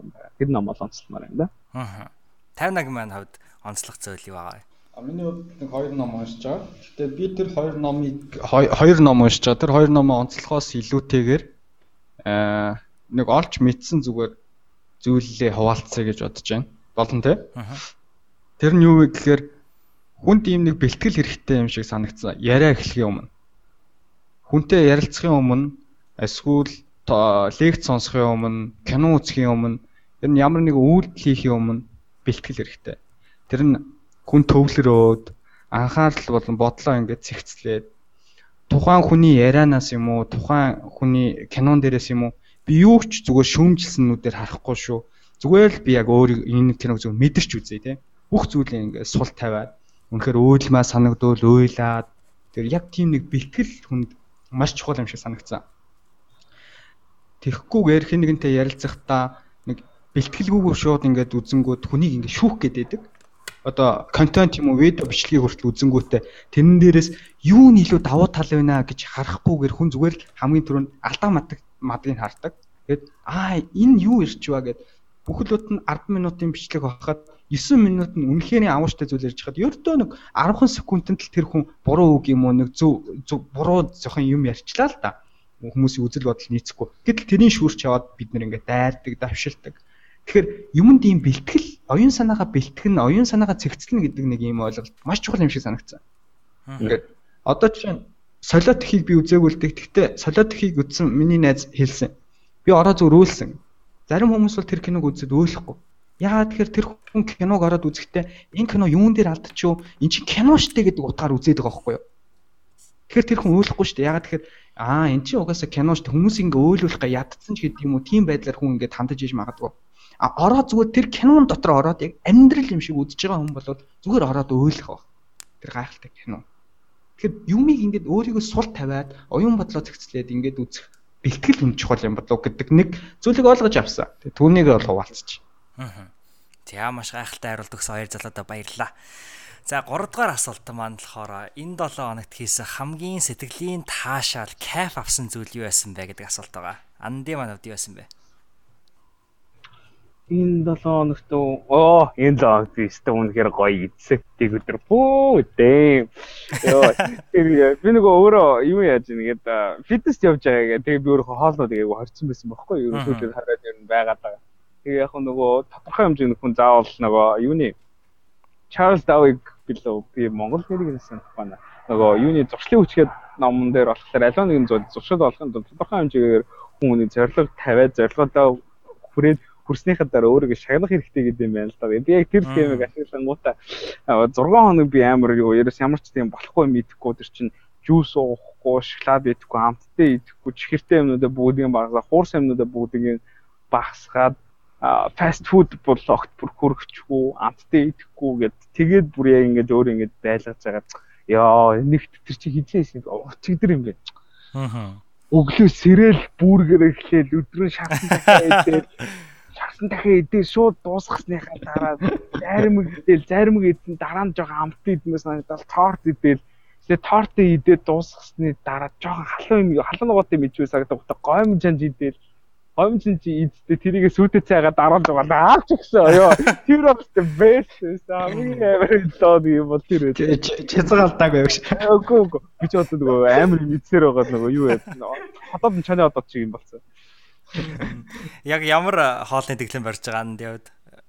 Оо би болохоор яг зүгээр юу л ярьж байгаа. Хоолныхаа зүгээр болохгүй нөгөө бин тим авууштай биш тэр юунуудаа хасаад. Аа. Бүтээгдэхүүнүүд ерөөхдөө хасаад тэгэл ер нь өглөөдөр болохоор аль болохоор obvious жимстэй идэл өдөртөө болохоор ер нь өөхгүй дахианы цээж мах скол салмон загс гэх зүгээр мэлхэр эрүүл хооллох нь хичээж байгаа. Аа юу калори энтрээ тоолж байгаа. Ер нь жин нэмэхийг хичээж гинөө эсвэл барихыг хичээж гинөө, хасахыг хичээж гинөө яг. Харин миний асуудал нь би зөв калориос таах таахгүй шүү. Аа. Калорийг тэгээд тооцох нь надад дэндүү яш төвхтэй юм сан. Яг тодорхой хэмжээгээр яг нөгөө идэх хэмжээгээр идэл яг нөгөө яг нөгөө яг за нэг өдрийн яг энэ хэсэгт яг ийм юм хоолуудыг идвэл ийм порцтойгоор идвэл цохимжтой гэдэг хамгийн анх 7 хоногт багцалж тэрийг бүгдийг янзлаад. Аа. Тэгээд тэгснийхаа дараа тэднийг хэрэглээд байхлаар нөгөө калори нэг тоолоод байх шаардлагагүй байгаа шүү. Аа сүүлд Boynata ярилцсан Positive Mongolians дээр орсон хосын жор нэвтрүүлэгт сонсож байхад та хоёр хоёулаа ер нь бол хамтдаа хоолны дэглэм барьдаг гэдэг хэлжсэн те. Яг бинийга одоо түүчилдэг. Тийм ууг нь тийдгийг. Сүүлийн үед зарим нэгэн хүн нь яг вдэ миний архин бас тий жаргаал идэх идэх гэдэг чинь бас жаргал штэ гэдэг тийм философитой болоод байгаа. Би одоо хүний сонголтыг яаж үгүйсэхгүй тий. Тэгээ позитив Монгол дээр хамтаа жор орж байгаа гэж тэр хүн дурдчихилээ. Би бол үгүйсэхгүй. Барьсан түүхтэй хоёр. А яг одоогийн тэр байгаа процесс мөн үү үгүй юу гэдгийг бол түүнийг бурхан тэнгэр л мэдэх үү. Бурхан багшаа видео гэдэг шиг нэ. За тэгтээ яах вэ? Тэр хүн мэдээж тодорхой би тэр хүнийг ойлгож байгаа байхгүй яагаад гэхээр угаас төрөлхийн сайхан бидээ сайхан болоод төрсөн тэр бүсгүй түүнээс илүүгээр одоо улам сайхан болох нь юу яах вэ? Дураараа сайхан идэг. Тэгсэн ч гэсэн би энэ гоё хിവэрээ. Би бол бас тий жоохон анхаарахгүй болохгүй шүү. За за за. Энийг тиймэрхүү. Эмэгтэй хүнийг ойлгоно гэдэг чинь угаасаа ухаан бах уу. Чи ч тэгээд ойлгож чинь гэдэг чинь миний өгш аим амар хаттай. 51-ийн маань хувьд энэ 7 хоногийн хувьд ямар гой зүйл хийсэн бэ? Бас сайн идсэн үү? Улаанбаатар дээр. Идсэн, идсэн. Миний хувьд бол сонирхолтой зүйлүүд их байгаа, их байгаа. Гэхдээ одоо энэ одоо чи одоо гол зочин маань аманд болохоор би амандаасаа илүү их яриаг одоо авъя гэж бодоод энэ удаагийн асуултаас татгалзаа гарья. Энэ тийм бодоо татгал 100 эсвэл болгоод цаагуур давхар файлитыг уус төр явчих шүү яа. Энэ тоглоомоос гарлаа. Гарлаа. Горуулаа. Гэтэ хамаагүй баг эдсэн юм бас яриад ах юм болмоо хүмүүс болчих штэ. Тэгэхээр яхад бас нэг нь бас. За за за. За тэгэхээр маш сонирхолтой хөгжилтэй хариулт өгсөн андаас маш их баярлалаа. Дараагийн асуулт маань магадгүй энэ хариулттай холбогдож магадгүй. Энэ 7 хоногт онцлох одоо дадал зуршил тийм ээ. Dig рутин юу байсан бэ бид бүхэнд онцлох. За энэ асуултыг би магадгүй 50-аас эхлэе. Эсвэл 50-ны түрүүний хариулсанчлан бас энэ асуултаас бас болтох гэж уу юу? За яг хөө найз нь чамд бодох хугацаа өгөөд би хариулах гэж хичээ. За За миний хувьд бол дэг рутин барихгүй байгаа. Яг энэ тогтсон тэн зуршил бол одоохондоо байхгүй. Би зөвхөн бүтлгүүцсэн тухайгаа илүү яриа. Хүмүүс нөгөө дандаа болж байгаа бүтэж байгаагаа гэдэг бол би нэг бүтлгүүцсэн юугаа яриа. Аа ажил дээр болохоор өглөө би 5:50 тусдаг ихэвчлэн. За 5:30 5:50. Тэгэд орой ажил маань 6 гэж дуусаад 97 гэж дуусдаг ихэвчлэн хоолндоо ороод. Тэгээд ердөө өдөрт бол надад 2 цаг л юм хийх боломж олдож байгаа юм л да. Тэгээ өглөө 5:50 гэж босонгуудаа орой 7 хүртэл өдөржин ажиллаа хийгээд тэгээд дуусангуудаа тухайн өдөр фитнес дээр очиж 1 цаг бэлтгэл хийдیں۔ Жим дээр очиж бэлтгэл хийгээд а орой нь гэртээ орж ирэнгүүтээ англи ном нэг 15 минут уншаад дараа нь монгол ном 15 минут унших. Аа тэгээд цаг гарах юм бол англи хэл дээр кино үзэх Аа ийм зуршлыг би 14 хоногийн хугацаанд хэрэгжүүлэх гэж үзсэн. Гэтэл 10 хоног яваад тасарсан. 11 дэх хоног дээрээ ядраад, жим орхоо болсон. Орой нэрээд за за ганцхан өдөр тий хийхгүй байхад яавал гэж дээ маргаашнаас нь үргэлжлүүлээд хийчихье гэд тасалж эхэлж байгаа. Тэнгүүд ганцхан өдөр гингүүд өстой болдгоо юм билээ шүү. Нэг хүн нэг хулгай хийсэн хүн хоёр дахь удаага хулгай хийхэд их амархан санагддаг гэсэн. Яагаад гэхээр нөгөө айдсаасаа хүн эхэндээ ганц удаа хийхдээ амар том айдстай байсан бол нэг удаа хийгээд үзсэн чинь нөгөө айдсан жижигэрч эхэлж байгаа байхгүй. Тэгэхээр дахин дахин давтаж хийхдээ амархан болсон. Тэгээд би тэгээд 10 дахь хоног дээрээ бүдрээд тэгээд сүүлийн 4 хоногт яваагүй шүү дээ. Тэгэхээр энэ зуршил гэдэг зүйлийг зорьсон зүйлийг тасралтгүй авч явна гэдэг бол бас их чухал юм шиг байна. Тэгээ би өөрөө бүтлгүүцсэн болохоор дараа дараагийнх дээр одоо юун дээр анхаарах хэвтэй. Аа. Мэдгүй тэгээд энэ дээр анд маань илүү бас туршлагаасаа хуваалцах байх гэж бодож байна. Аа. За найзынхны хувьд яг зүгээр энэ 7 хоног шинээр дал зуршил болгосон зүйл бол найснуудтай байх юм.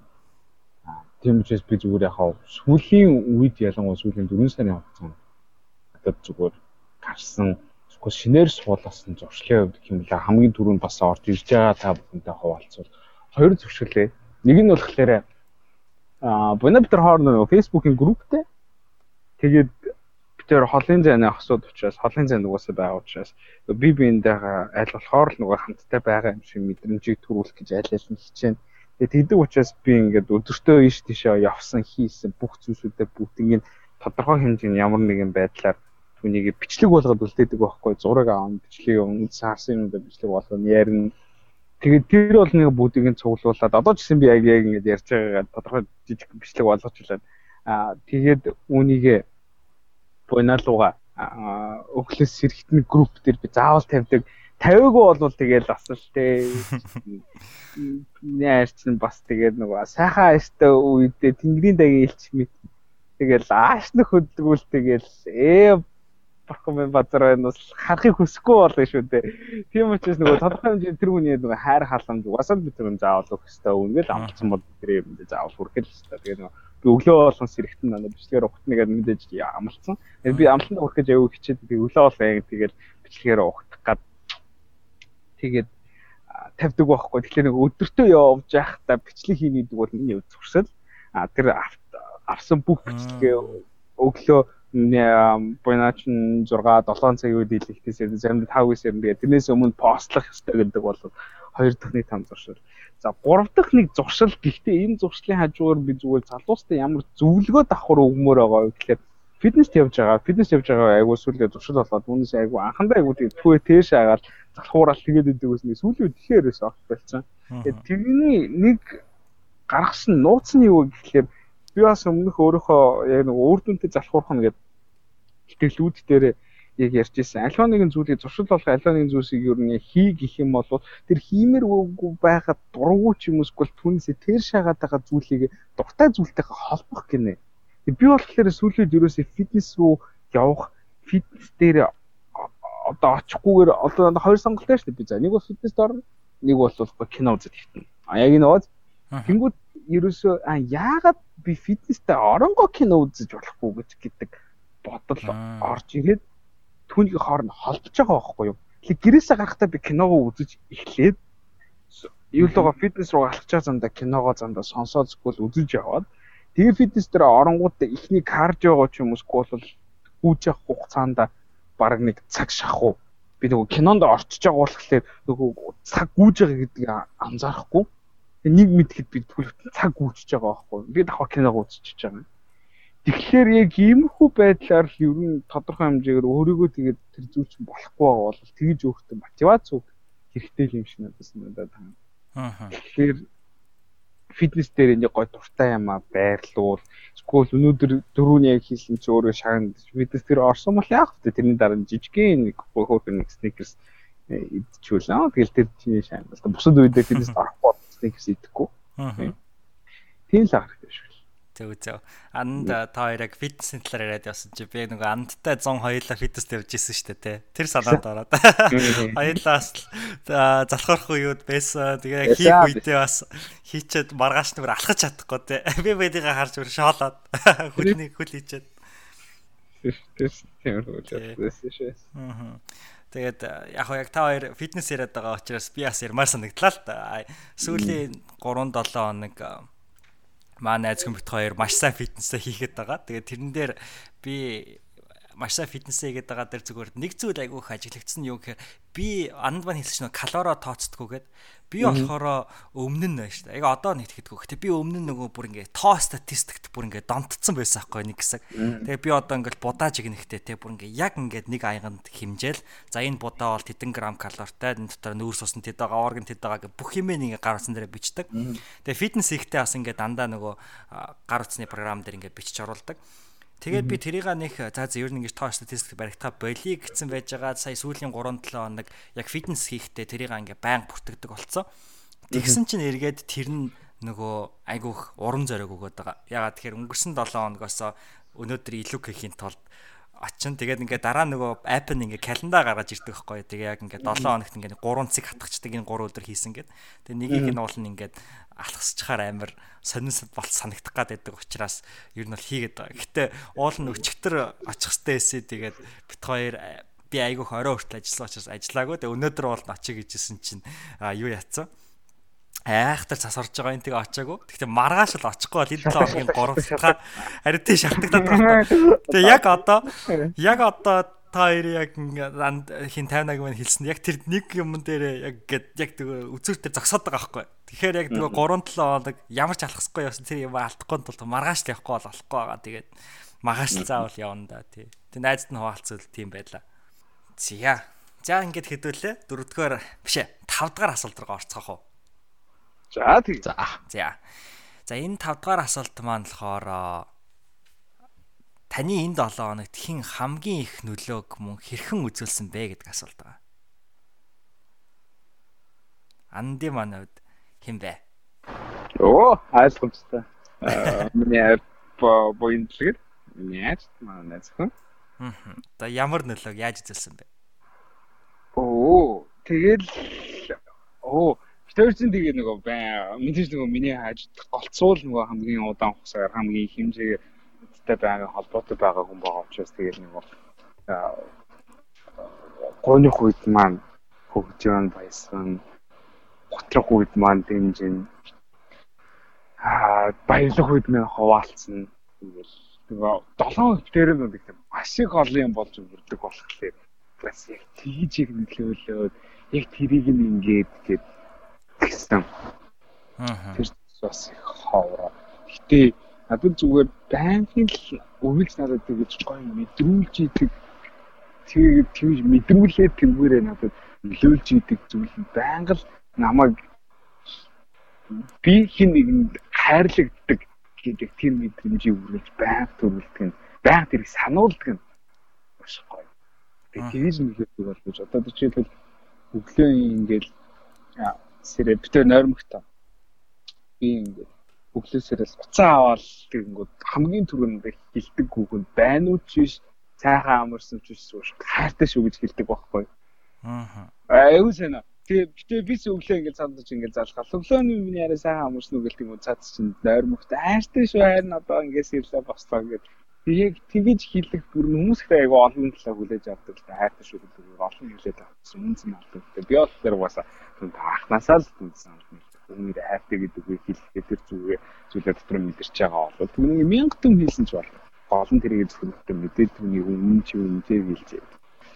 Тэгээл тэгдэг шиг надад сүүлийн үед тэгэж тэгэхээр мэдрүүлж тэгэж нөлөөлж байгаа надад ахад итгэл зүйлсүүдийг хийх гэж уран зориг илүү тийм болов. Нэг хоёр талаас мэдээж нөлөөлж байгаа хүмүүс байлгүй байгаа. Тийм миний ээж ээж ялангуяа яг манай ээж энэ подкастыг яг одоо үзэж байгаа бол ээжтэй шинэ 7 хоногийн шинэ өдрийн чинь өглөөний мэндийг хүргэе миний ээж. Хичээл манай ээж аваад нөгөө юу вэ? Сорн оюутан байхгүй юу?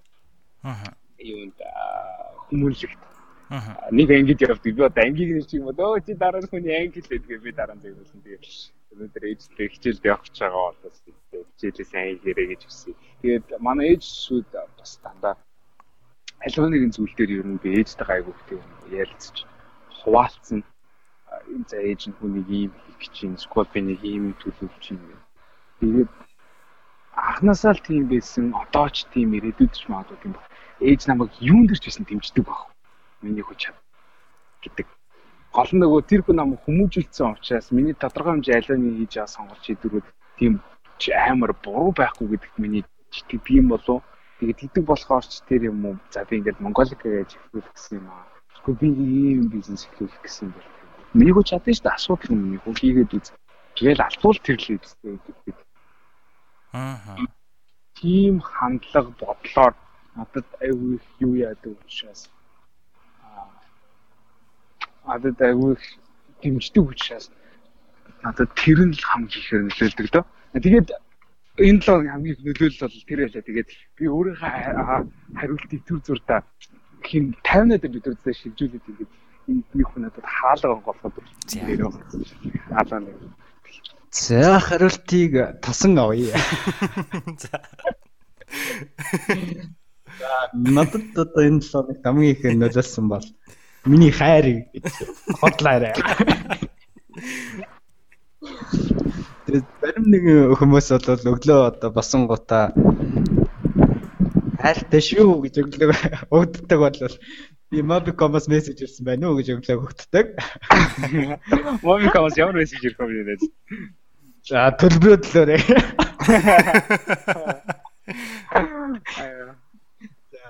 За нарган байдлаа. За миний хувьд нөлөөсөн би үүндээ бэлгүүн 12-т бол амар атаархдаг байхгүй юу? Би ингээд тэтгэн сарын өмнө за бод хагасчлын өмнө их тийм хайр гээл тэгнэнгөт.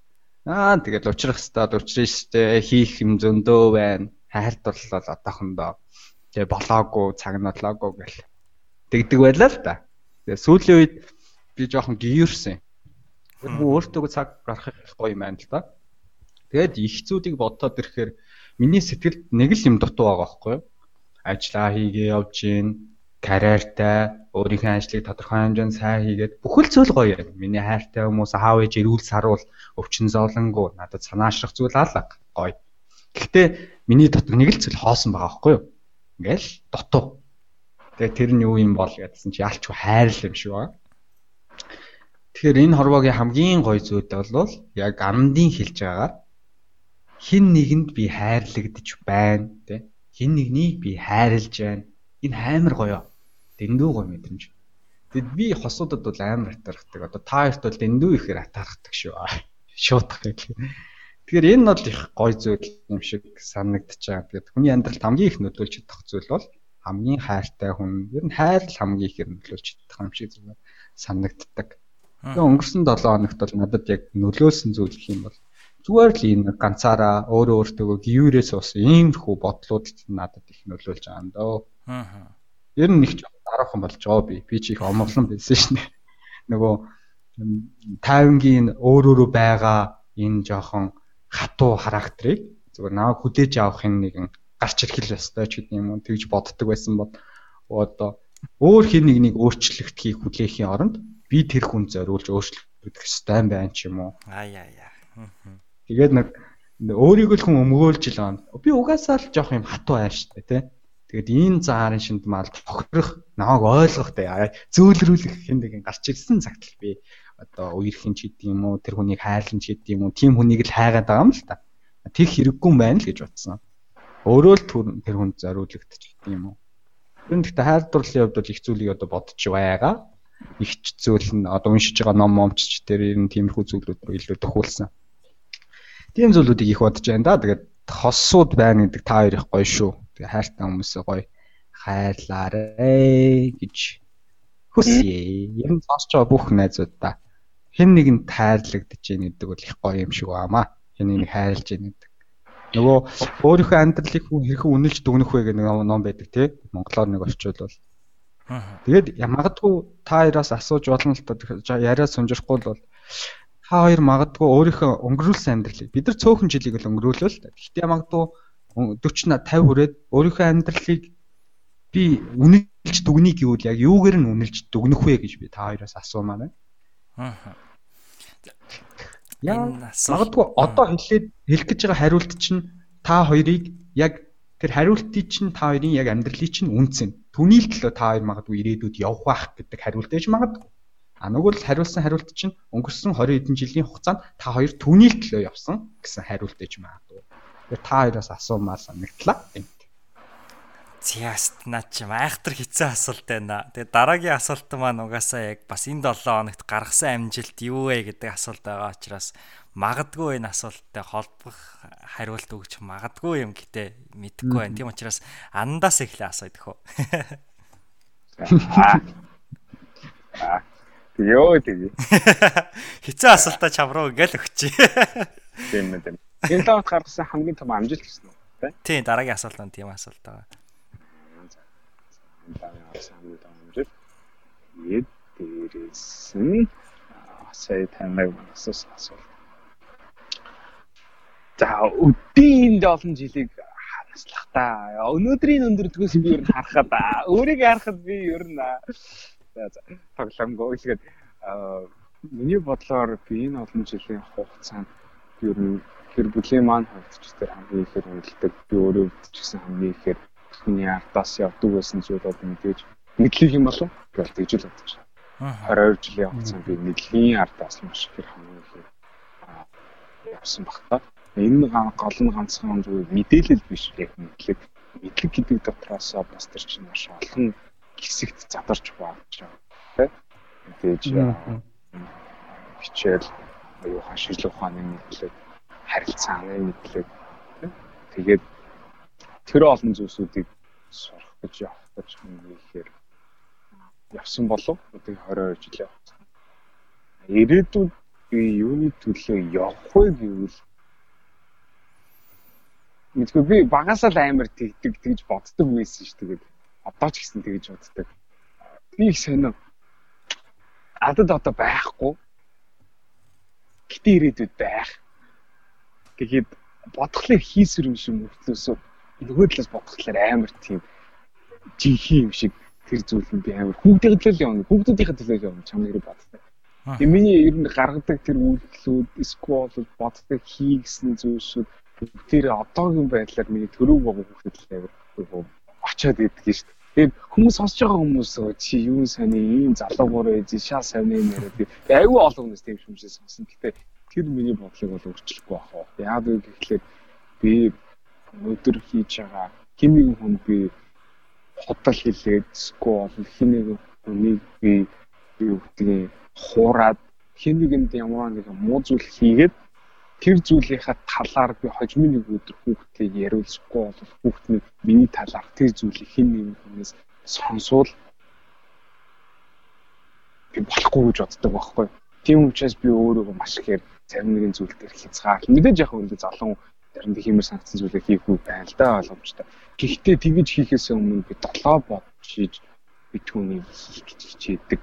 Яагаад вэ гэхээр тэр хожимын нэгэн өдөр миний хүү ч юм уу миний охин андын тэргээд аваглаад явхад нөгөө юуны удамтай хүний сүдэг хүний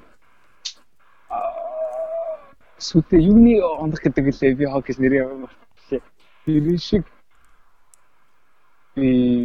тийм байгаасай л гэж боддөө шүү дээ. Нэр бүтээн яваасаа. Тийдэг учраас би аль болохоор нь бүхэл зүйл дээр хийж байгаа зүйлсээ сайн байхыг хичээдэг, зөв байхыг хичээдэг, аль болох олон зүйлийг мэдээ сурахыг хичээдэг. Миний ихтер миний хүүхд хоёр яваан зүйлийг мэдхээ байлаад би Google дээр хийхээс олон зоодох байж би ааваас код би нөхрөөс асуугаатыг надад зогсдог байгаа. Би тэрийг мэдчихвэл оо my god тэр миний хамгийн том асуулт байна. Аруу хэлээ. Тэр нь бол зөв мөртөл явах байсан гэдэг санаа тий. Өөрийн явж байгаа амьдралдаа зөв мөртөө явах хийсэн л гэдэг санаа гэж ойлголоо. За бэлгүүнийг би энэ асуултаас нь зогтчих гайл оролдоод байх юм гэдэг таахгүй юу. Маш хэцүү асуулт байна. Өнгөрсөн амьдралаа дүгнээд хэлэх юм бол анд маань би гэтээ өөрийнхөө хариулт хэлэхээс өмнө анд маань хэллээ дээ. Мэдлэг гэдэг.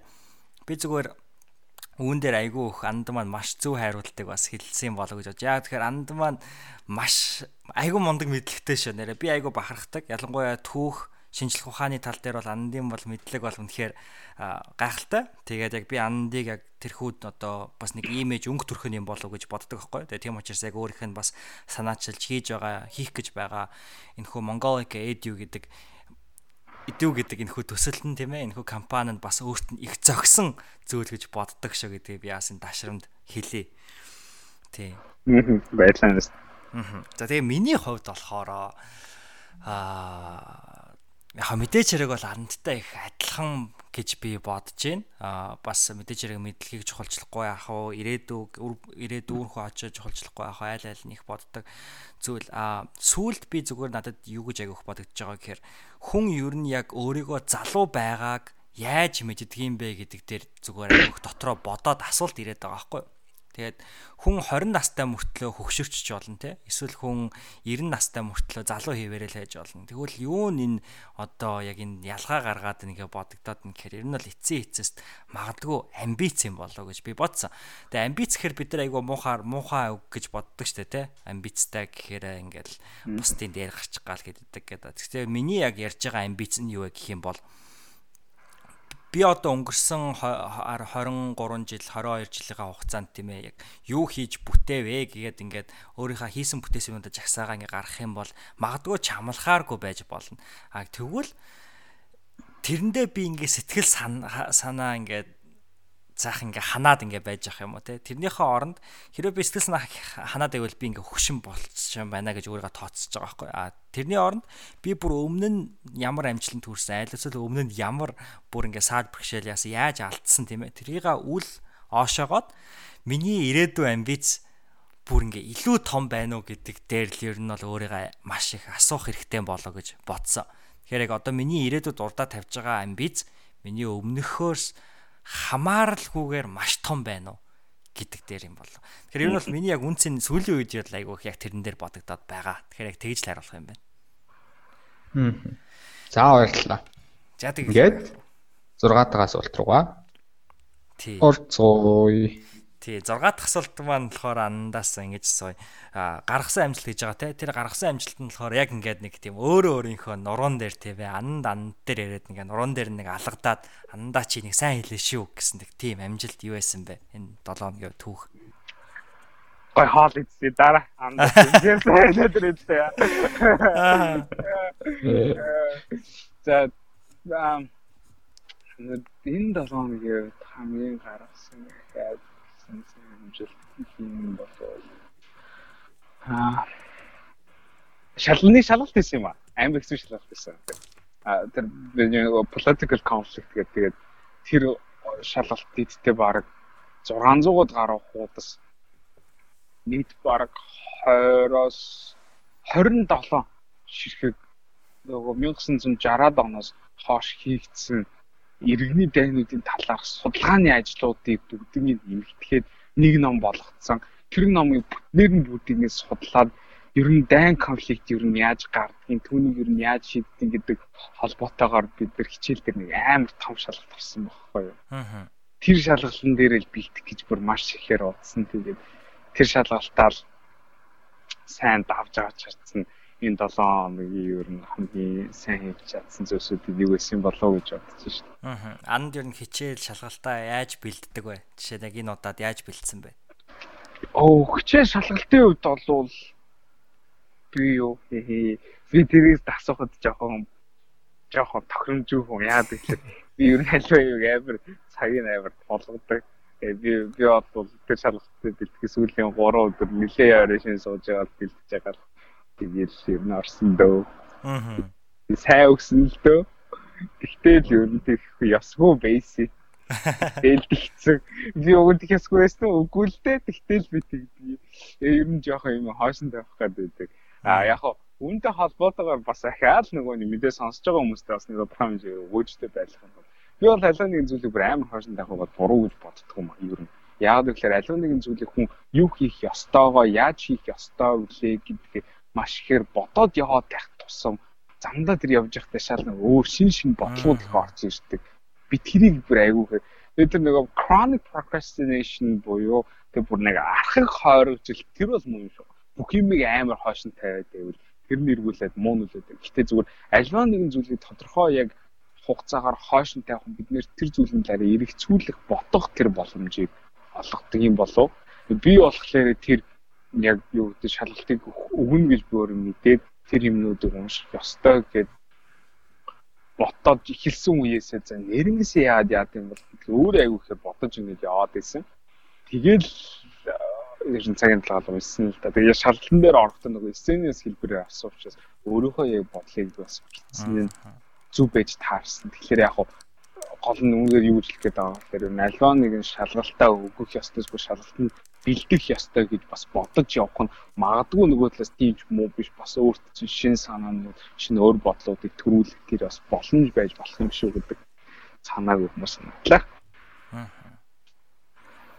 Тянаа ч юм өстө маш гоё хариулт. Би ч гэсэн ер нь тэгж боддөө шүү. Надад ч гэсэн яг тийм зүйлүүд тохиолдол байгаа. Тэгээ анд маань гэдэг яг үүнийгээ хүлэн зөвшөөрөөд бас үүн дээрээ дөрөөлөөд маш гоё гоё илтгэлүүд тавьдаг те. Илтгэлийн сэдвүүд яг энийг маш гоёор тайлбарлсан санагддаг.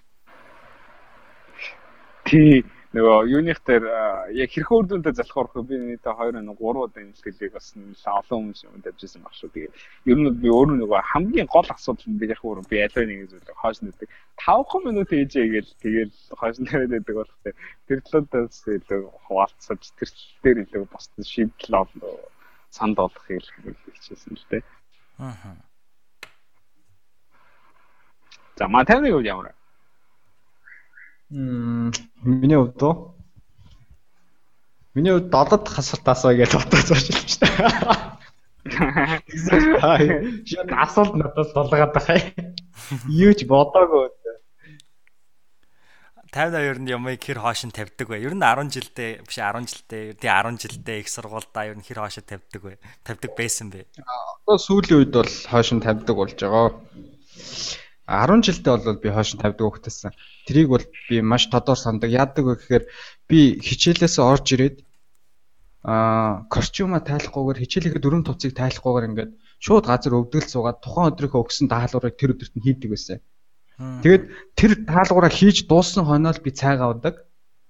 Тэгээ бүр аав ээж хоёр миний хүн наад хувцс чинь өвдөг гарлаа штэ тий. Над хувцаа ядаж тайлчаа чи хичээлээ хийлдэ гэж хэлдэг байсан байхгүй. Тэр чинь одоо нэг 4 5 дугаар ангийн л хүүхэд юм уу да. Тэгэл тэрнээс хойш бол ер нь одоо 8 9 10 хүртэл байнга л тэгдэг. Тухайн өдрийн даалгавар. Тэгэл 11 12 ахлах ангид орж ирсэн чинь хагас сайн бүтэн сайн бүх даалгавраа хурааж байгаа л бүтэн сайнны шөн хийгээл Тэгэл тийм процесс руу ороод тэгэл оюутан болоод одоо ажил дээр гараад яг тодорхой хэмжээгээр ингээд тоош нь тавьдаг зүйлүүд бол гарч эхэлж байгаа. Тэгээ энийг юутай холбож хэлэх вэ гэхээр тухайн 10 жилд бол миний хийдэг зүйл маш тодорхой байдаг гэсэн багш үүрэг даалгавар өгнө. Түүний дагуу л хийх хэрэгтэй. Одоо амьдрал дээр гараад ингээд ажиллаа зохицуулна, амьдралаа зохицуулна, хажуугаар нь бас янз бүрийн проблем бий, асуудлуудад гарч ирнэ. Тэгэхээр маш олон зүйл дундаас алийг би хийх вэ гэдэг нэг бодлоон дундаас хүн аль зарим нь хойш нь тавина, зарим нь ингэн ч гэдэм үү. Зарим нь бас олон бодол дундаас төөрөгдөөд юм хойш нь тавьдаг тийм болчдөг юм шиг байлаа. Тэгэхээр энэ бол нэг хуу хөний менежменттэй л холбоотой асуудал. Э, яг одоо андын хувьд бол хойш нь тавьж байгаад маш их бодож байгаа хийх нь үр дүнтэй байдаг бол зарим хүн бол тухайн зүйлийг даалгаврыг авангуудаа тухайн өдөртөө хийдэг юм уу те. Тэр хүн болгоо өөрийнхөө менежментэд тааруулж л хийх байх гэж бодож байна. Миний өгчний баг ангийн насных бодол зүгээр манай ээж надаас хамгийн ихэр гүйдэг мөрөөдлийнхэн зүгээр жишээ байна. Ээж ээж байн гуйлгаас тест. Яа би орж ирээд гаднаас орж ирээд хүнээс хаалт байдаг тийм өн жоох амраах ядраад. За одоо хийнэ ээж тавхан байна. Хүн жоох нойр үл би жоох унчаас ирэх үү яа яа. Манай ээж бол тэгээ тийхгүй шүү. Даалгавраа хэлдэг чи гэдэг. Миний өгшин зүгээр хажууд байсан бол чи 50 нахаар гэж манай амар. Харин тэ би яг тэгэж л бодож байлаа гэж. За за. Маш гайхалтай хариулт өгсөн хоёр залуудаа баярлалаа. Тэгээд 7 дугаар асуултаа оръё. Тэгээд 7 дугаар асуулт маань болохоор ийм асуулт байгаа. Энэ 7 хоногт ер нь сурсан, ойлгосон тийм ээ нэг мэдэж авсан тийм зүйл ер нь юу? Ухаарлж юм уу? Андаас эхлэх үү? За би энэ асуултыг ерөөсөө сүүлийн үед асуулт дундаас хамгийн түрүүлж хариулаагүй байгаа. Цогт бэлгүүн дээр дэ энэ хүү гарахтай сайхан боломжийг бас энэ хүү завшааныг би бас олгомоор гэж саналаа. Миний тий миний саналыг бас манай 50 маань алга туссан бас хүлээж авах гэдэг би итгэлтэй байна. Тийм үү 50 наа? Тий, арчлалын зарчмаар бол дэмжиж байна. Олох тийм олохын авсан. За за за. Би ч уул нь өөрөө хөдлөгч шүү дээ. Та хоёр яагаад асуулт асуугаад байгаа юм бэ гэдэг таахгүй. Гэтэ ингээд агүй сонирхолтой юм биш ингээд гуруулаа ярьсан чи анх удаа ярьж байгаа учраас тэгээд бас ингээд жоохон бодлоо те. Жоохон ингээд бодолж гин. Гэтэ ер нь бол маш сонирхолтой байд юм байна. За миний хувьд болохоор ер нь яах гэж энэ асуултыг асууваа гэдэг таахгүй. Аа За сурсан сургамж ойлгосон ухаар л гэвэл маш олон л байгаа эсвэл маш цөөхөн ч байж магадгүй тэгээд сүүлийн үед бодогдоод байгаа ер нь өөрөөс айгүйх асууж байгаа зүйл юу гэх юм бол ер нь нэг надад дутагддаг чадвар юу гэх юм бол би нэг уучлалтыг нэг уучлалт шиг л гоож сурхал ястай юм шиг байгаа юм да. Миний нэг байх хэвээр чадвар те. Тэгээд яг хөө энэ зүйлийг би ер нь миний хувьд л асуудал юм байна гэж ингэж яг тодорхойлоод бол тодорхой хугацаа өнгөрч байгаа. Гэхдээ бас үе үе бол би нэг уучлалтыг нэг уучлалт шиг гоож чадахгүй л байна гэж ер нь бол өөрөөсөө хэлээд байгаа. Тэгээд Тэгэхээр одоо миний ухаарл гэвэл яг за би ер нь уучлахгүй сураагүй хүн юм байна гэж өөрийгөө ухаарад байгаа. Тэгээ сургамж нь юу гэх юм бол үнэхээр уучлалт гуйж угаасаа чаддгүй юм бол тийм ээ. Бүр сурч чадахгүй юм бол ер нь тэр уучлалт гуйх тэрхүү одоо нөхцөл байдал руу битгий өөрийгөө оруулаач ээ цогтөлгөөн дараа гэж ер нь бол өөртөө сүүлийн үед нь хэлээд байгаа. Тэгээд яхаа уучлалт гуйх дээр би бас магадгүй тал дээр зөвлөгөө өгөх хэмжээний хүн бол биш баг. Гэтэ зүгээр өөрийнхөө бодож байгаа дээр юу юу гэж уншиж уншсан зүйл дээр юу гэж нэхэр энэ бол хүнээс уучлалт гоох гэдэг бол яхаа аргагүй урлаг юм байлээ. Ялангуяа эрэгтэй хүний хувьд эргэн тойрныхаа хайртай хүмүүсийг бас сэтгэл санааг нь яахгүй тул тийм ээ уучлахгүй сурах хэрэгтэй санагдаад байгаа. Тэгээд уучлахгүйхын тулд мэдээж эхлээд уучлахгүй нь хоёр талаараа ямар алдаа хийсэн бэ гэдгээ бүр маш тодорхойгоор тийм ээ. За намайг уучлаарай, миний буруу гэд орхих биш. Би ийм зүйл хийсэн байна гэдэг тэрийг маш тодорхой илчгээд тэгээд тэрнийхаа дараа би наалдааг ингэж заснаа гэд одоо акшн авах тийм ээ. Үйл авахгаа хэлэх хэвээр юм байна лээ. Тэгээд нэг иймэрхүү. Тэгээд бас нэг чухал зүйл нь гэхвэл хүн гэхээр би яг ингээ уучлахгүй байх гэхээр яг нэг тухайн нөхцөл байдалтай нөхцөл цаг үедээ жоохон бардам зан хөдөлт юм аа. Уучлах гоомааргүй юм санагдаад байхгүй. Тэгээ тэр үедээ ер нь хүн юу гэж бодох хэвээр санагдаад байна гэхээр ер нь маш одоо өөрийгөө гэсэн биш тийм ээ. Тэр хүний нөхцөл байдалд өөрийгөө оруулах хэвээр болов гэж. Тэгээ миний хамгийн том алдаа л да. Тэгээд алдаа дутагдал учраас л хэлж जैन. Тэгээд энэ энийг аль засах хэвээр гэж ухаарад байгаа юм да минь. Тий. За ингээд та хоёрыг өссөн хариултыг нь өглөө. Одоо анандаа чи хариулна. Жохон дотоо ахиж жоохон яриулах байлаа байна. Цаг нь дуусаг байна гэдэг. За одоо тэгээд бас найз бол би түрүүнээс хойш ерөнхийдөө асуултанд хариулдаг байсан учраас хоёр дахь асуултанд хариулах боломжийг энэ удаа 50-наад би бас олох гэж бодож ирлээ. Миний шийдвэрийг манай бүлгүүнээр манаас үнэхээр дуртай гэж бодож байна. За тэгээ гараа өргөё. Хоёр гараа өргөё. Хоёр гараа. Эний чинь л уустар гэдэг байгаа шүү дээ. Аргагүй л одоо арчилсан залуучууд байна. За. Миний хувьд авсан сургамж гэвэл аа тэгээд өдөр болгоно л хүн ямар нэгэн сорилттой тулгараад тэндээсээ сургамж авч яадаг. Миний хувьд ийм юм л да. Миний хамтран ажиллаж байгаа хүмүүс ч тэр ингэж хэлдэг. Би хамгийн баг залуу нахгүй ажил дээр. Аа. Тухайн баг дотроо хэлцтэй 90 л залуухан. Тэгээд наа хүм манай ажиллахан boss baby гэж хуучилдаг байхгүй. Энэ baby царайтай юм байж нэг том том яриатай гэдэг. Тэгээд манай ажлын ах нар үргэж ингэж хэлдэг. 50 чи жоохон байна. Залуу байна. Яагаад ингэж их стресстэй байдаг юм бэ? Чамайг харахаар л ингээл өмсгөө зангидаад ажилдаа ингээд түүртэй байгаа юм шиг ажиллаа чи хийж чад чи явуур чадвар байна. Гэтэ ингээл ажил чи явж лээ шүү дээ. Юунд стресстэй дээ ингээл үргэлждэгдэг байхгүй. Бидний үний юм бэл. Би нэг амьдралыг арай нэг жоохон том зургаар харах хэрэгтэй мэн гэдгийг өөртөө маш их хэлж байгаа.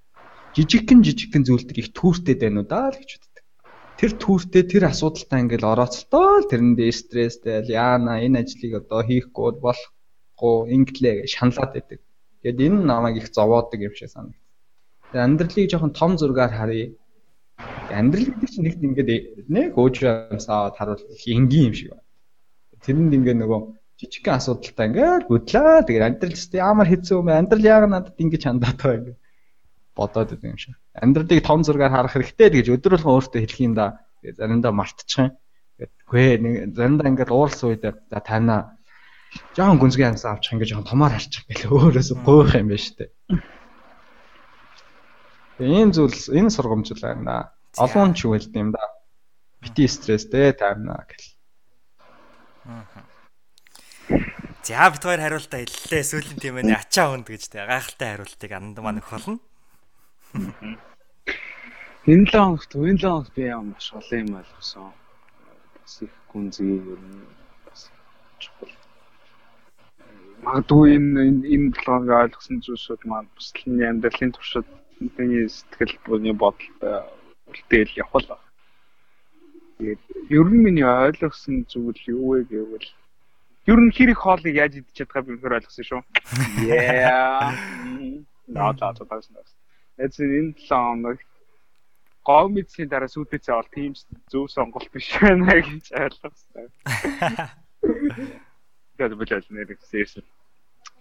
Тэг ер нь гин зүгтлээ зал зүгээр. Тэгээд бусдаар гих юм бол ер нь найз нь энэ 7 хоног талаа нэгэн зүйл бид нар хүмүүс үргэлж уран бэлгэлж яах, уран л өгж явах хэрэгтэй. Аливаа нэгэн зүйл хин нэг нэг аливаа нэгэн зүйлийг чадна гэдэг тэр итгэлийг нь бид нар шоож өгч чадвал манай Монгол залуучууд бие биенийгээ дэмжиж бид нар хамтдаа хөгжиж хамтдаа асуудал шийдэж чадна гэж би бодсон бодсон шүү. Аа. Тэгээд бид нар яг хав магадгүй одоо жишээлбэл бид нар тийм орчинд өсөөгүй бид нарт олон хүмүүс байгаа. Аав ээж чи чадахгүй, скол ч юм тийм боломж байхгүй. Скол өөр хин нэгэнтэй харьцуулдаг ч юм уу, скол тэр хүний ямар нэгэн байдлаар хязгаарлан гэдэг энэ мэдрэмжийг нь төрүүлдэг тийм орчинд өссөн байхыг үгүйсэхгүй. Тийм орчинд хүн өсөөсгүй тийм найзууд дунд хүн байгаа. Тэр хүрээлэл дунд байгаа гэхээр хүн өөрийгөө чадахгүй болоод бүргэд өөрийгөө дахиагаар төсөөж хэлдэг юм байна л дээ. Тэгэхээр бид нэр аль болохоор бусдыгаа бид нэр чадна асуудал байвал ойлгоё, дэмжиж шийдлийг олж чадна гарц байгаа. Гэдгийг тэр хүнд үргэлж сануулж, ойлгуулж дэмжих нь хамгийн чухал зүйлсүүдийн нэг юм болов гэж би энэ л маш ихээр бодсон шүү. Тийм учраас аливаа нэгэн хэрэг оройн тойронд чинь хэрэг тийм баа зохиж чадахгүй болов би болохгүй болов гэтээ би айж ин гэтээ би чадахгүй байхаа гэж байгаа болов. Тэр хүн магадгүй тэр хүн үнэхээр дотроо тэгэж бодож байгаа нь тэр хүний эргэн тойрол өөрт нь тэгэж урам хайрлж тэгэж биелэх тийм хүн байхгүй байгаад тийм хандлага гаргаж иж магадгүй. Тийм учраас хэрэг одоо энийг сонсож байгаа автобусны дотор суугаад явсаж байгаа сквад бол хичээл рүү явах замдаа гэрээ цэвэрлэхтэй хэрэг энийг сонсож байгаа тийм хүн байгаа бол магадгүй хин нэгэн хүн тантай дараачуудад тарахад өөртөө эргэлзэж байгаа бол тэр эргэлзээнд нь хамттай шийдлийг нь олоороо чадна гэдэгт нэтгүүлээрээ түүнийг дэмжээрээ ойлгоорой л гэж би зөвлөж хэлмээр байна да. Аа. За маш баярлалаа ананда тэгээд шууд хэрэгжүүлж болох гайхалтай зөвлөгөөг бас өгч байгаа нь маш таалагдлаа. За хоёлаа гуруулаа одоо ингээд юу яаж ийн нэвтрүүлгийн маань сүүл рүү бол хүрээд ирсэн байна нэг мэтгэд тэгээд хэдүүлээ Ямин 8-ийнхаа 8 дахь буюу нууц сул руу оръё. Тэгээ энэ удаад маань манай зочин маань ананда учраас шууд хариулнаа гэж итгэлтэй байна тийм ээ. Мм за би бэлдчихээ хамаг сэтгэлэн бэлдээ зүрхийн чангалжээ. Тий тэгээд таймнаа хоёлаа ямар асуулт өгөө. Мм надад бол зүгээр ийм асуулт байна. Бич боддөг. Хүмүүс ч бас асуугаасаа гэж хүсэж байгаа. Яаж ийм эрэг байгаад идэг юм бэ? Андаа гэж олон хүмүүс асуусан байсан. Би ч бас андыгаа 2 жилийн хугацаанд ингээд таньж мэдээд явж хаад нэг өдөр надтай хөмсөг зангидаа дуулж байгаагүй. Нэг удаа уцаар ярихдаа Хей андаа гэл амар гоо цаглаг дуутай. Үзээш нэг төвшөөсөн байдлаар ярьж байгаагүй. Ингээ чатаар бичгтээ хүртэл те их тийм ээлдэг тэр хүнд ингээ нэг асуудал байгаа бол тэрэн дээр нь ингээд урам зориг өгч хийсэн гэдэг байдлаар бичдэг. Яаж ийм эерэг байгаад байдаг юм бэ? Магадгүй амьдрал өчнөд бэрхшээл байгаа шүү. Тэр болгоно яаж өөрөө өөртөө яриа бусдад ингэж хуваалцахгүйгээр ч юм уу ил гаргахгүйгээр ч магадгүй хайртай хүмүүстэй хуваалцдаг гэж байна. Тэгэж ингэж эерэг байж чадаад байна гэдгийг л асуумаар. За, хэзээ шууд хариулах усгүй бол бид хүний асуултыг авах. Аа, шууд хариул орвол би бүр яг санал нийлж байна. Маш олон хүмүүс асуулт асуусан байсан яг энэ асуултыг. Аа за за. Найз нь найз нь э пиас ер нь гэрээхэнд эрэг гэдгээр ааслаа би алдартай цолтой. Хөдөлмөрийн гавьяат эрэг. Аа тийм байдаг ч юм уу юу гэсэн ч хөдөлмөрийн гавьяат эрэг. Аа тэрхэн хойд гэвэл би эрэг байхыг өөр амар сонгодог гэж боддог шнэ. Юу? Сонгодог. Энэ сонголт хүн эрэг вэ гэдэг бол үнэхээр сонголт. Тэгэхээр би өөрөө л амар тийм байхыг амжилт чийдэг. Жишээлбэл би ингээд явж байгаа л утсан дээр юм чинь шүү дээ. Утсан дээр хоол асгах юм гутаа. Би нэг удаа амар тэгжсэн юм. Цар бол дүнгийн шинээр нь аваад.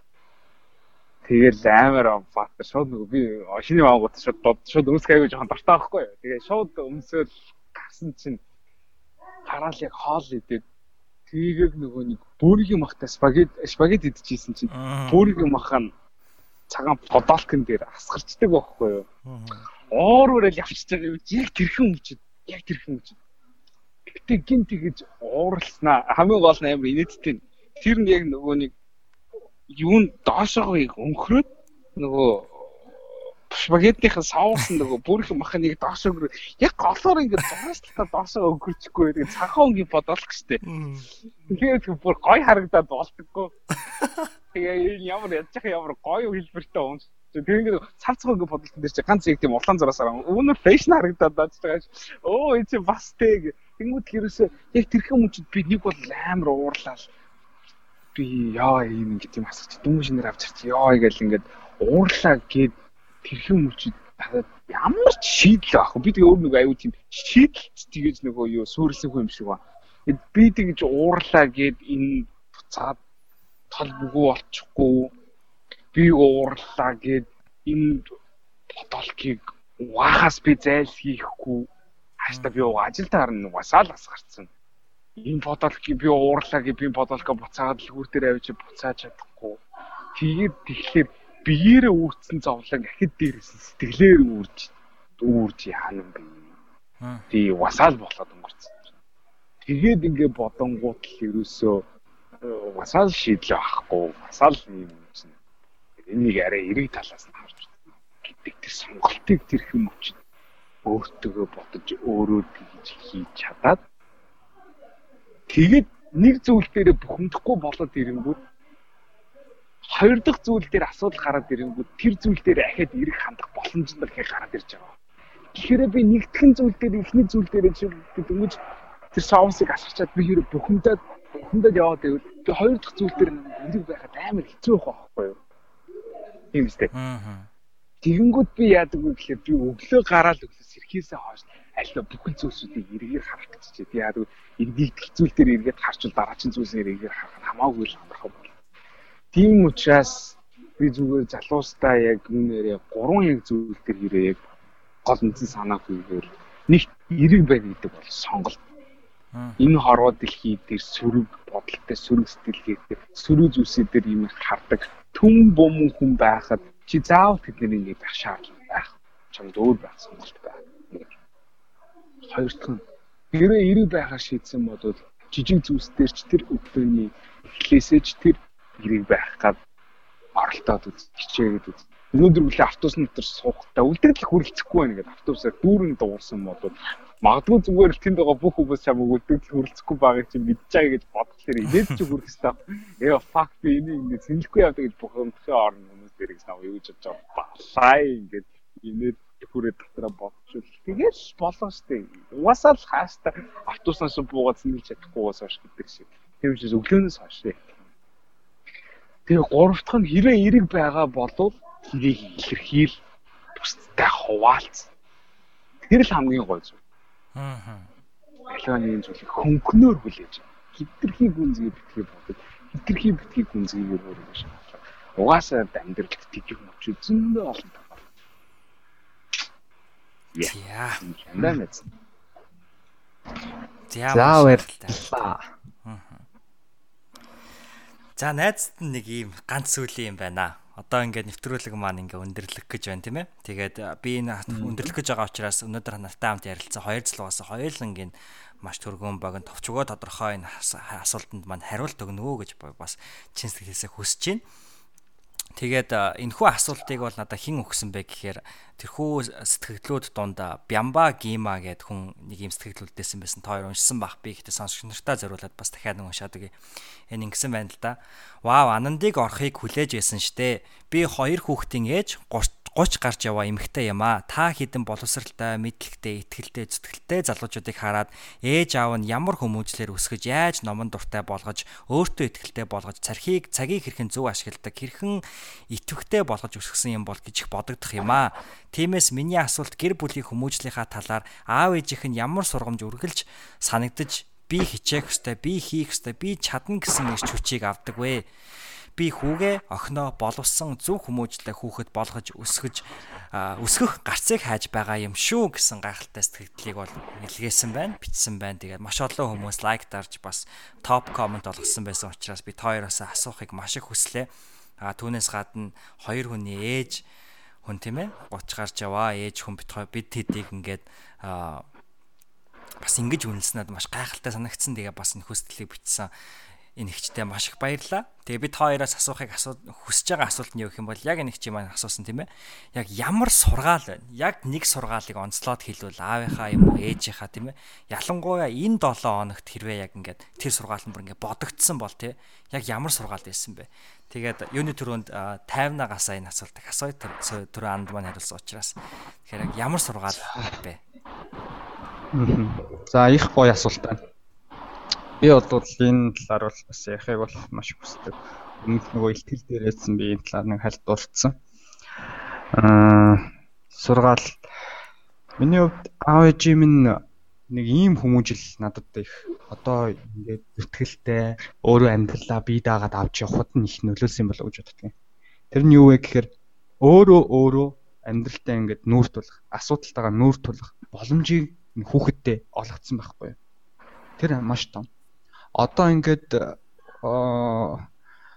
хүмүүсийг хараад байхад залуу аав ээж нар багаас нь хүүхдээ үнтэй сургуульд өгч байна. Цэцэрлэгээс нь нөгөө англи хэлтэй тий өндөр төлбөртэй гадны томоохон сургуулиудад өгч эхэлж байна л да. Тэгэл 10 жилд оронгууд нь хувийн томоохон уг нь бол зөв тэр хүүхдэд том боловсрал олгох гэж байгаа тэр сэтгэл нь сайхан аав ээж бол хүүхдээ сайн яваасай л гэж бодож байгаа. Гэхдээ тэр бүх зүйлийг бэлдээд байгаа байхгүй. Тэр хүүхдээ асуудалтай нүрд болох боломжийг олохгүй байна л да. Тэр хүүхдийг өөрөө хичээл рүүгээ ингээ яваа тэр хичээлээ хийхгүй бол муу авбал анги олондоо яаж одоо ичвд байдалд ордгийн ч гэдэг юм уу. Тийм нэг асуудлын жоохон нүрд тулах тэр боломжийг үр хөвгтө олгоосай л гэж хүсдэг. Тэгээд асуудалтайгаа нүүртлээд эхэлсэн хүүхэд бол ирээдүйн зорилгоо илүү тодор ингээд тодруулж харах харж эхэлж байгаа юм л да. Нэр нь би өөрөө л хичээхгүй болвол ирээдүйд хүссэн хүлээсэн амьдралаа би болгож чадахгүй байна ч гэдэг юм уу ботдог. Тэгэхээр асуудалтай нүүр тулгаасай гэдэг нэг санал. Нөгөө бүх зүйлийг бэлдээд өгсөн хүүхдэд асуудлаа нөгөө ирээдүйнхээ тухай бодох тийм бодол төрүүлдэг юм байна л да. Яагаад тэгэхээр бүх зүйл нь бэлэн байна. Хувцсыг аав ээж нь аваад өгж гин, сургалтын төлбөрийн төлж гин. Одоо бүр тэгээд сургуулаа төгсчингууд нь орон байрыг бэлдэж өгж гин, машиныг бэлдэж өгж гин. Тэгэхээр тэр хүүхэд өөрөө яг юуны төлөө амьдарч байгаа юм бэ гэж тэр хүүхдэр гүйрэх бодол. Би ер нь цаашдаа юуны төлөө тэнцэх ёстой юм бэ амьдралд гэдэг юмыг төрүүлэхгүй байна л да манай эцэг эхчүүд. Би тэгж боддог. Тэгэхээр надад бол энэ асуудалтайгаа нүүр тулах боломжоо өөр хүүхдэд олгоо гэдэг санаа байна. Ийм л хүмүүжил бол надад одоо өөрөө амьдралаа ингээд зүтгээд өөрийн гараар амьдралаа босгоо явна гэд бүр тэмүүлэл болцсон. Тэгээ явж юм л та. Миний хувьд бол тийм л зүйл хэлэх юм зүйтэй болов. За баярлаа. Маш гайхалтай хариулт байна. Анди маань хувьд. Найзынхаа хувьд би яг ингэж асуусныхын дараа миний аав ээж надад дүгдэг байсан хамгийн том сургаалууд нь юм болоо гэж би бодлоо л доо одоо жишээл түрүүний ингээл хэлсэнчлэн ээж минь намайг чадна гэдэг үргэж итгүүлдэг байсан. Аав маань намайг алион нэгэн зүйлийг авахын тулд хүнийхэд төлөв хөдөлмөрлөж заавал тэр зүйлээ хүн өгүүлж авах юм байна гэдгийг хамгийн заасан. Тэгээд мэдээж аавж өрийн сургаалууд зөндөө олон. Миний бодлоор гэхдээ хамгийн том хамгийн чухал зүйл нь яавч ярмаар зүгээр хүнийг яаж хайрлахыг хамгийн томоор заасан гэдэг бол хамгийн чухал. Хүнийг хайрлах гэдэг дотор хамгийн том үндэс суурь нь хүн өөрөөсөө төрүүлээд бусдыг урьдчилж тавих тэр сэтгэл ухаан. Тэрийг л надад багаас байхад хамгийн ихээр заадаг тэрийг л миний хайр миний хайр гэнэ би одоо нөгөө нэзэгтэй ярьсараа тэрийг би хамгийн чухал гэж боддог. Миний бодлоор хүүхд чинь одоо ялангуяа би яг энэ асуултыг тэр ихч маань асуусан учраас би тэр ихчтэй л хандаж би хийж юм л да. Магадгүй таны хүүхэд амжилттай биш их сургууль төгсөхгүй тий магадгүй таны хүсэн хүлээж исэн тэр ирээдүйд хүрэхгүй байж магадгүй. Гэхдээ хүрэхгүй байсан ч гэсэн хүрсэн ч гэсэн хэрвээ тэр хүн бусдыг хайрлж мэддэг бусдаас өөрөөсөө илүүтэйгээр бусдыг илүү бусдад илүү санаа тавьж бусдыг илүү өөртчилж бусдыг бодож чадвал таны хүүхд чинь амьдралдаа алцахгүй гэдэг тохиол хамгийн хэрэгтэй би бол тэгж бодож. Тэр хүн тэгж чадвал бусдын хайрыг, үнэлэлийг хүлээдэг. Тэгэхээр би бол миний бодлоор тийм баха. Баас маань ээж маань жишээлбэл тэгэл ингээл байж байгаа. Хамгийн энгийн жишээн дээр хамгийн энгийн жишээ дээр яхад одоо ингээл за би найз нь ингээд би чамайг одоо би чам машин тавьж илээ гэж бодоход манай найз одоо чи ламаг гэрч авах авах чинь гэж бодъё л та тийм манай гэрээс ирээд авах гэж бодъё. Манай гэрлөө төв замаас салаад ингээд нэлээ ингээд хажуу тийшээ ингээд янз бүрийн уулзар мулзараар ороод ингээд гарч иж тэгжиж манай гэрийн гадаа ирдэг байхгүй. Аа.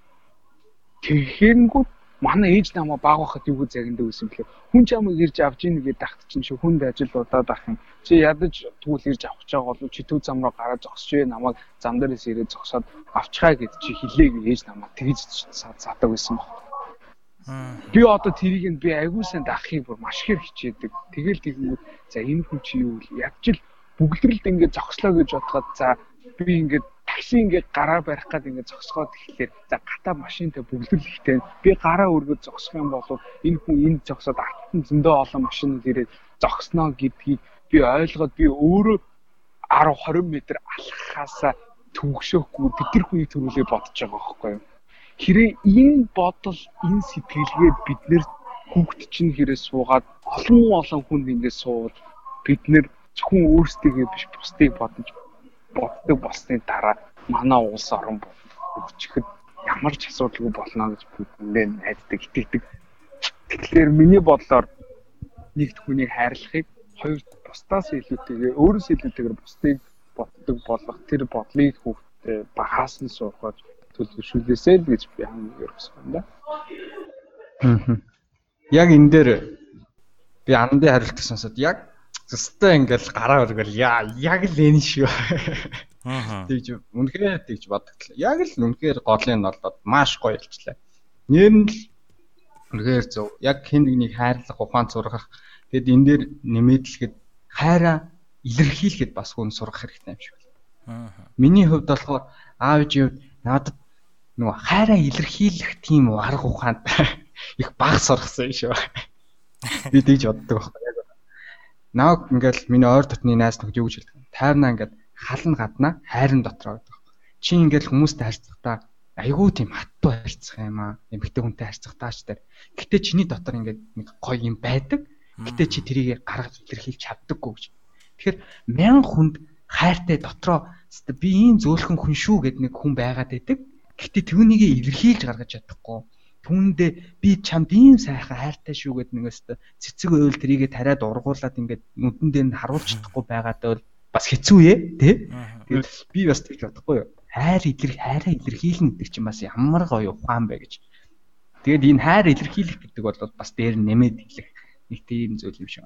Тэгээд бэлгүүнээ дараа хоёр нэг сүүлийн сүүлний подкаст хамтарч хөтлсөн дээр бэлгүүнийг тэр их үг их надад гоё буусан хүнд материалын бус байдлаар хайраа илэрхийлнэ гэдэг бол а юутай гоё вэ гэж. Өстой гоё. Тэр бас хамгийн гоё ухаан шүү. Би сууд хосын жор дээр буйна ханад хоёрын би энэ хоёрыг бол амхандаа бол хадгалсан шүү дээ. Тэгэхэд энэ хоёр ингээ би бидээ яаж тэр загтлычихсан. Тэр нөгөө хайрын романсын тэр жижиг жижиг деталь зүйлүүд нь хараад миний мэдхгүй зүйлд амар их байгаа байхгүй. Ямар гоё сэтгэл вэ. Тэрнээс зүгээр гоё зүйл үнэрч байгаа байхгүй. Тэгэхээр хайртай хүндийн материалыг бус байдлаар хайраа илэрхийлнэ гэдэг бол амар гоё. Тэр бол ухаан, сэтгэл, мэдрэмж бүх зүйлийг шаардна. А зүгээр би өнөөдөр дэлгүүр ороод үнтэй гоё бөөгч эмэг аваад үнтэй 1108 сарнаа болгоод тэрэнд бол би зүгээр дэлгүүрийн утас аваад хаяг аваад гүйж очиод машинтаа очиод аваад гэрт нь хүргээл өгөх байхгүй юу? А гэтэл би материалыг бус зүйл гэд бодохоор хүн толгой нь ажиллаж гин, мэдрэмж нь хөглөгдөж гин, зүрх сэтгэл нь тогтол чинь адгүй магадгүй үг нь үг уран үг урлахаар тэр бүхэн нэгэд ажиллана те. Тэгэхээр хайр илэрхийлнэдэг агуу ухаана гэж бодож шүү. За тэгээ хоёр агуу ухаантай хоёр залуутай ярилцсан суух бол миний хувьд нэр төрийн хийгээд маш гайхалтай цаг хугацаа байла. Тэгээд юуны төрөнд бас зочин маань болж урагдаж оролцох энэхүү урилгыг хүлээж аваад яг одоо Вашингтон DC хотноос шөнийн удахгүй 12 цаг болох гэж байна те. Тэгээд ийм их хугацааг бид нартай яриулаад ярьж өнгөрөөсөн андаа юуны төрөнд маш их баярлаа хандаа. За хоёр найзтай ч гэсэн бас энэ их боломжийг олгож намайг өөрж оролцуулж бас сэтгэл зов сэтгэл дотор байдаг олон зүйлсүүдийг маань олон нийтэд бас хуваалцахад тийм боломжийг олгож байгаа бас хоёр найзтай маш баярлалаа. За маш их баярлалаа. Мөн мэдээж хэрэг өнөөдөр надтай хамт хөтлөгч олж тийм ээ зочин хөтлөгч олж ярилцсан тайвнада маш их баярлалаа. Тэгээ ням гаргийнхаа нэгэн өглөөг бидэртэй хамт өнгөрүүлсэн баш гайхалтай байлаа. Баярлалаа тайвна. Аа. За та хоёрт бас маш их баярлалаа. Би та хоёрыг ярилцсан гэхээр нэх гоё та хоёртой ярилцмаар санагдаад байсан. Тийм болохоор бэлгүүнээдээ ингээд найз нь хамт хөтлөгчөөр орё гэдэг гуйлтыг тавьсан. Тэгээ миний гуйлтыг ингээд хүлээж авсан найздаас маш их баярлалаа. Тэгээ гоё юм. Миний хувьд гол нь дурсан ч үтэхэл гоё. Тэгээд яагаад чи өнөөдөр ингээд ярилцаа суугаад 20 жилийн дараа миний хүүхдүүд магадгүй 20 жилийн дараа хамтдаа энэ яриагаа эргээ сонсон шүү дээ. Тэгэхээр гоё болох байх, гоё мэдрэмж төрөх байх таа л гэж бодоод өнөөдөр хамт оролцсон. Гол нь бид нар үтэж чинь Тэр нь надад гоё байсан. Тэгээ маш их баярлалаа. Тэгээ удахгүй Монголдоо 100-ы 100 сайхан уулзахын ерөөлийг дэвшүүлье. Гоё ирч хүчтэй, гоё уулзцаар гэдэгт найдаж байна. Уулзах өдрийн тоорт ч юм да. За тэгэлгүй ах маш их баярлалаа. Тэгээд энэхүү боломжийг тушааны далжинд болоод би бас яг олон улсын харилцааны юу чинь боломжийг харуулж үнийг ашиглах гэж маш их хичээд. Тийм учраас бас олон сонсож байгаа бол энэ 5 сарын сүүлээр Буйнабт хоёр бас хамтдаа нийлээд ойролцоо нэг 500-аад гаруй хүний нэг том арга хэмжээ зохион байгуулж байгаа. Энэ арга хэмжээний бас онцлог чанар нь юу гэхээр бусад бэлтгэлийн арга хэмжээнүүдийг бодох юм бол бид нэр яг практис өөрлөсөн магадгүй тэндээс тэр яриаг сонсоод гарсны дараа шууд хэрэгжүүлж болох үз тиймэрхүү ур чадруудыг бусдад таниулах, заах, сургах, хуваалцах цадбар сараар бүрийн яг тэргүүлж байгаа бас тэр хүмүүсээс тийм яриа хийсэн тийм нэг гоё арга хэмжээ зохион байгуулж байгаа. Бас нэг айгүй гоё зөвхөн эмгтээчүүд зориулсан, зөвхөн эмгтээчүүдэд зориулсан нэг 10 өөр төрлийн амьдралын ур чадруудыг тал талаас шингээсэн тийм оо хугацааны сургалт зохион байгуулж байгаа. Тэгээд удахгүй тэр талынхаа илүү дэлгэнгүй мэдээлэлээр олцгоно гэж. За баярлаа. Рекламыг нажиж та. За маш гайхалтай. Гоё мэдээ. Тэгэлгүй ах бөгдөөрөө тэгээ андын маань фэйсбүүкээс энэ бүх мэдээллүүдийг олоод авах те. За ингээ хэдүүлээ анд маань сайхан амраарай. 58 маань өдрийг сайхан өнгөрүүлээрэ. Тэгээ сонсч нартаа бас энэ өдрийн энэ цаг мөчий мэндийг хүргээд баяртай гэж нэвтрүүлээд нэвтрүүлгээж аргаая. За тэгэх юм. За баярлалаа та. За өдрийг сайхан.